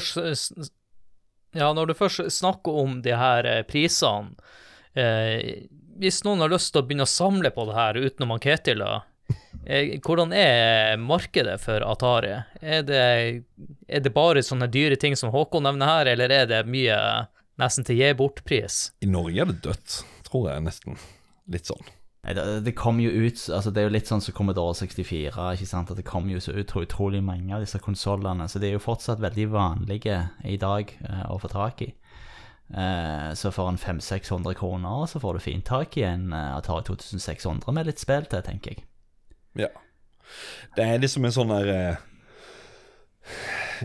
Ja, hva skal jeg si eh, det, det kommer opp en gang i ny og ne. Det ligger noe ute på Finn av og til. Og så tror jeg du sikkert kan prute ned på det hvis det du har lyst. Eh, men det er jo dette alle maskinene har jo RF-signal. Så mm, hvis ikke du har lyst til å ha en TV med Ja, koble opp med antenne og alt sammen, så kan du jo f.eks. enkelt kjøpe sånn eh, AV-mod. Eh, det gjorde jeg sjøl med en Atari 2600 Junior. Og da var det eh, Jeg trengte ikke loddebolt engang, faktisk, for å fikse Nei. det. Nei. Det var liksom bare Sett på klipsene her og bor to hull, sett inn de to pluggene. Pang. Kompositt eller AV rett på, på TV. Så mm. gul og hvit ledning. Plug and play. Ja. Så det er jo litt sånn, det, der er vi jo igjen inne på det som gjør at dette her blir litt for spesielt interesserte, da. At det Ja. kun er RF, uh, den antennegreia. Og, Sånn som Håkon òg nevnte, det har jo kommet ut en Atari 2600 pluss eh, til en altfor høy pris, da. eh, men det finnes jo òg utallige av disse her Atgames sine uh, minikonsoller med mange innebygde spill på. så du, det, det, der finnes jo massevis av muligheter for å spille Atari-spill eh, på sin moderne TV eh, hvis du ikke er veldig sånn, spesielt interessert og vil ha original hardware, da. Eh, I tillegg så Ja, så kan jeg jo kan jo også nevne det at eh, ja, selvfølgelig så er det jo emulatorer. Eh, Men så vil jeg òg eh, definitivt, hvis du ikke har gjort det ennå, kjøpt Atari 50 eh, til din uh, favorittkonsoll, om det er PlayStation eller Xbox eller hva det er for noe. For det er den aller, aller beste sånn retro-gaming-samlingen jeg noen gang har kjøpt. eh, fordi at den er på en måte et historisk dokument eh, over hele Atari sin utvikling. Der er eh, tegninger av eh, konsoller, der er bilder av eh, de som var med på denne her storyen, eh, og der er spill eh, som ikke er gitt ut før i ulike versjoner. eh, så er, og denne her ble jo stadig vekk oppdatert òg, så det er kjempebra. Ja, jeg har hørt mye, veldig, veldig mye skryt om det. Så det, jeg, jeg, jeg lover. Jeg skal sjekke det uten, da. Ja. Jeg føler jo nå at vi nærmer oss veis ende for denne hovedspalten, og tenker rett og slett at vi skal gå over til å rate Atari 2600.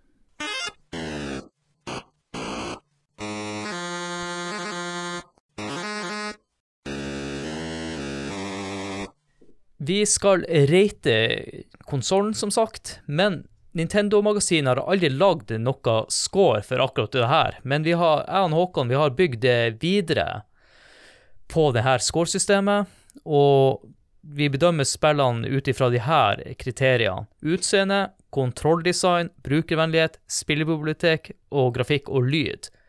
Og så går vi ut ifra konsollen Heavy Sixer, da. Og skalaen vi bedømmer fra, er fra 1 til 10, og utseende, Håkon. Altså, det er jo ti av ti. Det er, det er noe så sjarmerende med den der gamle klossen der med tre paneler foran og de her switchene oppe på toppen, så ja. Enn du, Ketil? Nei, ti av ti, helt selvfølgelig. Altså, det finnes, det finner jo ikke en mer tidsriktig design.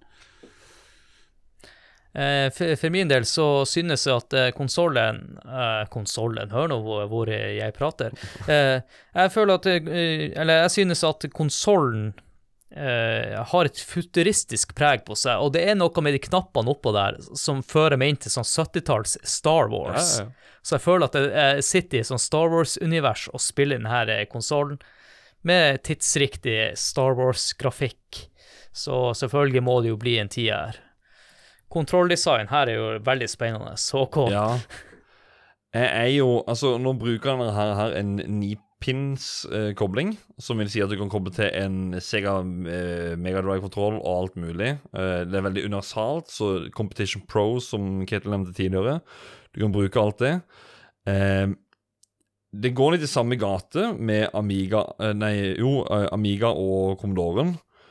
Eh, det er Zipsticken og TAC2 som ligger på 10 av 10 for meg. Denne her går ned til 9 av 10. Uh, det er en dritbra kontroll, men det er bare pga. det fins andre alternativer. Så Ja, Ketil. Nei, for meg uh, egentlig alle, For å være helt ærlig, jeg har aldri egentlig vært så spesielt glad i akkurat den joysticken der. Uh, så seks av ti fra meg. Artig å si seks av ti, for jeg hadde bestemt meg lenge før at det her er en seks av ti. Som sagt, jeg har jo nevnt det tidligere i episoden, jeg syns den er litt janky og clunky, og jeg syns den ikke er særlig god å holde i, så det er jo bra at han Håkon slår et slag for Atari-fansen. jeg sier bare ta til ettertanke at det ligger på alle T-skjorter rundt forbi og alt sammen. Jepp. Ja, eh, brukervennlighet, Håkon. Eh, ja, det er RF-signal. Du har egentlig alt du måtte trenge på fronten der. Eh, det er søk inn Det er ikke så veldig vanskelig. Altså, Sett på dagens TV-er, så er det jo Det må moddes. Eh, gamle TV-er, du må søke opp. Åtte? Kanskje eh, syv, for at noen av de har en veldig spesiell eh, strømkabel. Faktisk. Ketil.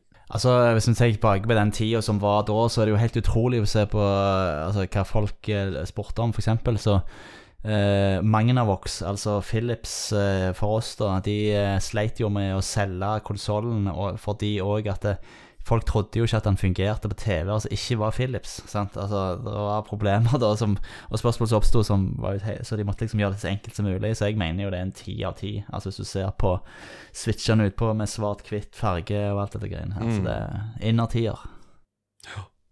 Ja, det her har jo dere bedre, bedre kontroll på enn meg, fordi om jeg har spilt på maskin, så tenkte jeg ikke på de tingene når vi var små. Så uh, jeg får legge meg et sted mellom dere og eh, åtte og en halv, da. Men jeg, kan, jeg hadde eller kanskje Jeg gir åtte, litt mer mot han Håkon. Uh, spillebibliotek her, Håkon. Ja, det er vanvittig mye å velge mellom. Eh, det er ikke den konsollen med mest brukbare spill. Uh, spillvarigheten gjennomsnittlig vil jeg ikke si er evigvarende heller. Er åtte av ti. Åtte. Ketil. Her får du eh, alle klassikerne, så er ti av ti. Ti av ti. Eh, Legger meg mellom. Nei, jeg skal faktisk gi lavest score her. Fordi at eh, jeg, jeg føler, eh, som sagt, at det skylder skyld i video game crash. Eh, det er 600 spill, men det, de aller fleste er vel ikke helt der, så derfor får det en sjuer fra meg. Ja. Grafikk og lyd. Det er, det, er ikke, det er ikke mye lyd, og det er som Kjetil sa, det er, ikke, det er ikke lyden en liksom eh, har gått for hovedsakelig, det er bare noe som kom ekstra med. Uh, grafikken, du ser hva det er.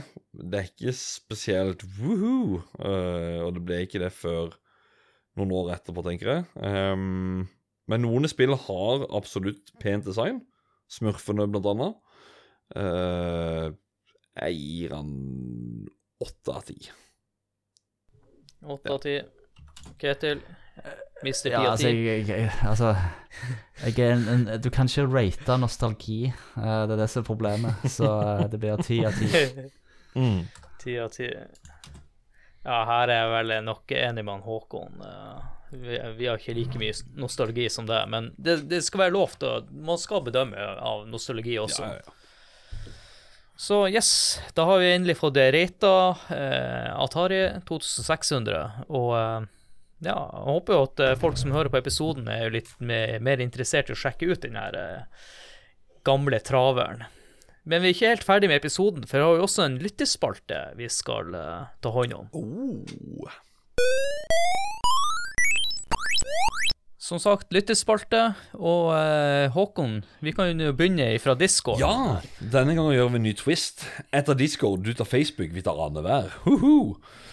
Da spurte vi jo som vanlig om folk har minner tilknytta maskinen, altså da Atari 2600.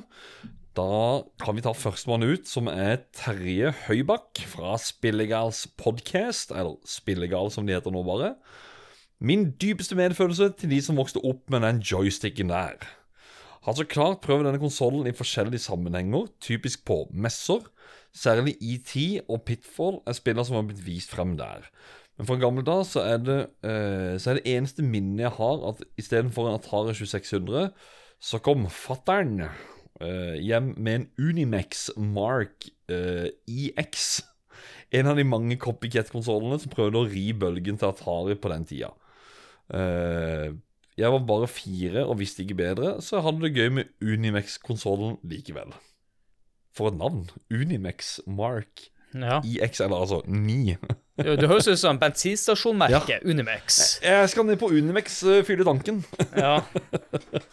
Og så syns jeg artig at han eh, Retro-Terje, mann som eh, ja, er mange år eh, eldre enn meg, ikke har spilt like mye Tari som meg.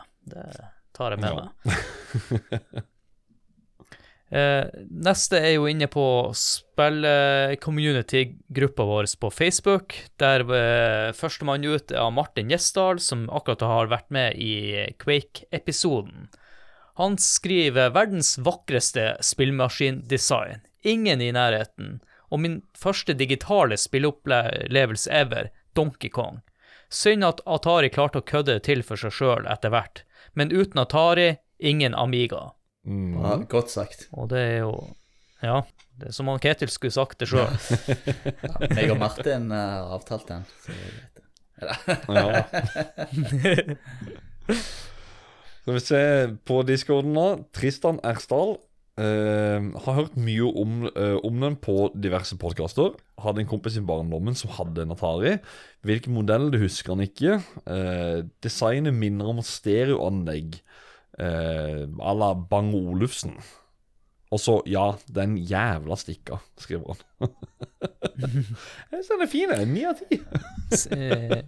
Det stikker som han Ketil har rata ti av ti. Ja, jeg har ni av ti, for at det er liksom noe bedre alternativer, men eh, han er jo konge. Nei, eller kanskje jo feil. Nei, jeg og Ketil vi rata Ja, den det er lavt. ganske Det ikke er faktisk litt reita lavt. Ja. Den Ja, det var den minst populære å bruke når jeg spilte Atari med kompisene mine. Det var Sipstikken Ja. som med seier. Ja. Nei, og så var det jo den som han sa, Bang Olufsen. Det, det er jo litt der designet som jeg prater om med dette her tilbehøret som var Videostack Game Center. Glir jo rett inn. Eh, Nestemann ut er han Trond Sinfor Borgersen, som også har status som beste bidragsyter inne på spillcommunity-gruppa. Han skriver den var jo vintage når jeg ble født. Eneste minner fra den eh, er da vi hadde den på Spillmuseet og viste frem ET. Og han eh, Trond er, hvis jeg ikke tar helt feil, så er han født i 1980, som sagt. Og, så ja. Det er litt artig. Så har vi Theo. Eh, Den eneste tilknytningen jeg har til Atarien, er at jeg prøvde ET på eh, ET til Atari på spillmessa i Kristiansand. Helt jævlig kontroller.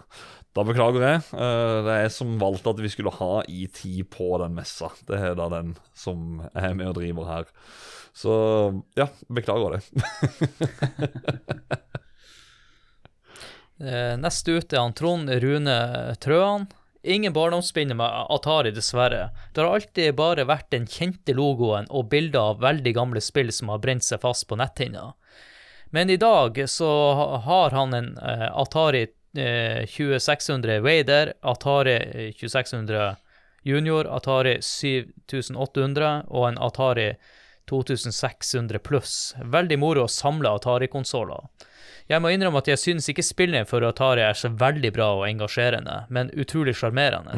Så eh, du har en konkurrent der, eh, Ketil, når du skal fære og kjøpe eh, Atari-ting, som presser opp prisene her. Ja, ja, ja. ja. Når vi skyndte meg inn på Facebook-gruppa og sikra meg den der eh, XC-lyspistolen som ble lagt ut i stad. Ja. Så har vi Mølmen. Eh, helt jævlig spill også. Prøvde det på messa uh, i Sandefjord. Altså da retromessa. Ja. Det, er, det, er for tyn på messa, eller på, på, på spillmesser, denne her eh, konsollen. Så eh, litt ufortjent tyn, men uh, ja. Give it another go. Ja, bortskjemte folk, rett og slett. Uh, neste mann ut er årets verneombud inn på discorden, han Ivar Goldenboy Lobben. Dårlig med minner fra barndommen, men uh, vært så uh, vidt borti den forbindelse med messearbeid. Men ellers er det en veldig vakker sak til å konsoll å være. Og vet du hva? Og Ivar, som er eh, hovedverneombud på Discord, er en vakker sak. Det må bare nevnes. Han har bursdag når vi spiller inn i dag. Så det, gratulerer med dagen, Ivar. Og så en liten fun fact eh, her er jo at denne den her eh, Golden Boy-kallenavnet eh, fikk han tilbake i 2015, når eh, vi skulle på en 30-årsdag til han Kenneth Jørgensen i Nerdcast, hvor blant annet han eh, Ketil eh, også var med i den bursdagen. Stemmer det? Dukka opp, ja. Det var lenge siden. Skal vi se, så har vi neste her. Det er da mm, Super Ninja Nintendo Autopilot. Et, eh, han var jo egentlig helt Super eh, Ninja Pilot før, men vi har gitt han et ekstra navn. Eh, er dessverre altfor ung til å ha noe forhold til maskinen, uh, men kan på det varmeste anbefale alle å sjekke ut Atari 50 The Anniversary Celebration. Utover å ha en gøy samling av gamle retrospill, og i parentes, og remixer, uh, i en lekker innpakning av Anniversary Celebration, også et digitalt museum. Pakken formidler en del av vår felles kulturarv på en underholdende og elegant måte. Anbefales til alle som eh, har litt sansen for retrospill. Eh, og nå i snakkende stund, jeg vet ikke, vi spiller inn en uke før i hvert fall, som episoden kommer ut, og da er det 30 off nå på eh, Steam. Så um, i tillegg så ser han at vi sitter og prater med deg, Ketil, så vi måtte hilse så mye. Fyren er et vandrende leksikon på Atari. så han er enig i at du var rett gjest. Takk for det. Ja, det er ikke ofte at eh, gjesten får shout-out eh, f- f- før eh, de hører epis episoden, så de vet jo egentlig ikke helt hva han, eh, Ketil blir å levere. Back to the future. Men, eh, ja. Eh, jeg skal ta to i slengen her. Jeg tar først han eh, Lars Hansen. Han hadde en Atari 2600 Junior i sin tid, og med spillene Pole Position, Volleyball, Solaris og Boxing. Boksing, det er ja. Boksing, det er fælt, det. Ja, og uh, Kristoffer Gettoboys Hansen, han kun spilte Adventure til den, og det på en lovlig måte etter at han hadde lest Ready Player One for ca. syv år siden. Aldri eid eller sett en Atari sjøl. Og that's it ifra spill-community-gruppa med lyttebidrag. Ja. Har du noen flere på Discord? Ja. Eh, Vi har Bonomann. Han skriver Husker at dette var det første TV-spillet min storebror kjøpte. Hadde mange fighter på diverse spill. Så har vi Fisto, eller Otto fra Retrotimen. Uh, Den første maskinen jeg spilte på, Asteroids, sikkert noe rundt 1984-85. Og så har vi Skorp eh, Skorpus, uh, 1981. Mine minner med Atari 2600 er selvfølgelig Pac-Man, og vi brukte også Competition Pro. Gode tider. Og det skal sies at akkurat den meldinga Ketil, den kom inn når du begynte å snakke om at eh, flickering på Pac-Man. Ja. Så poppa det opp en melding i hjørnet her. Så det var sånn der eh, Ja, Back to the Future. Han, han vet nå snakker vi om det, få det inn. Yes. Men ja, det var alle lytterbidragene på Discord òg. Så eh, takk alle som eh, ville sende inn noe. Ja, og det er morsomt at uh, vi har lagd episoder som Counter-Strike der vi tenkte at vi skulle bli torpedert på lyttebidrag. Ingenting. Nei. Og så kommer en Atari, ikke sant, vi tenker her er det vel ingen som kommenterer. Masse kommentarer, så det er litt interessant. yes. Riktig prioritering. Yes, det skal sies, Discorden var jo ikke en time før innspillingen, så det er god respons. Vi setter veldig pris på det. Ja.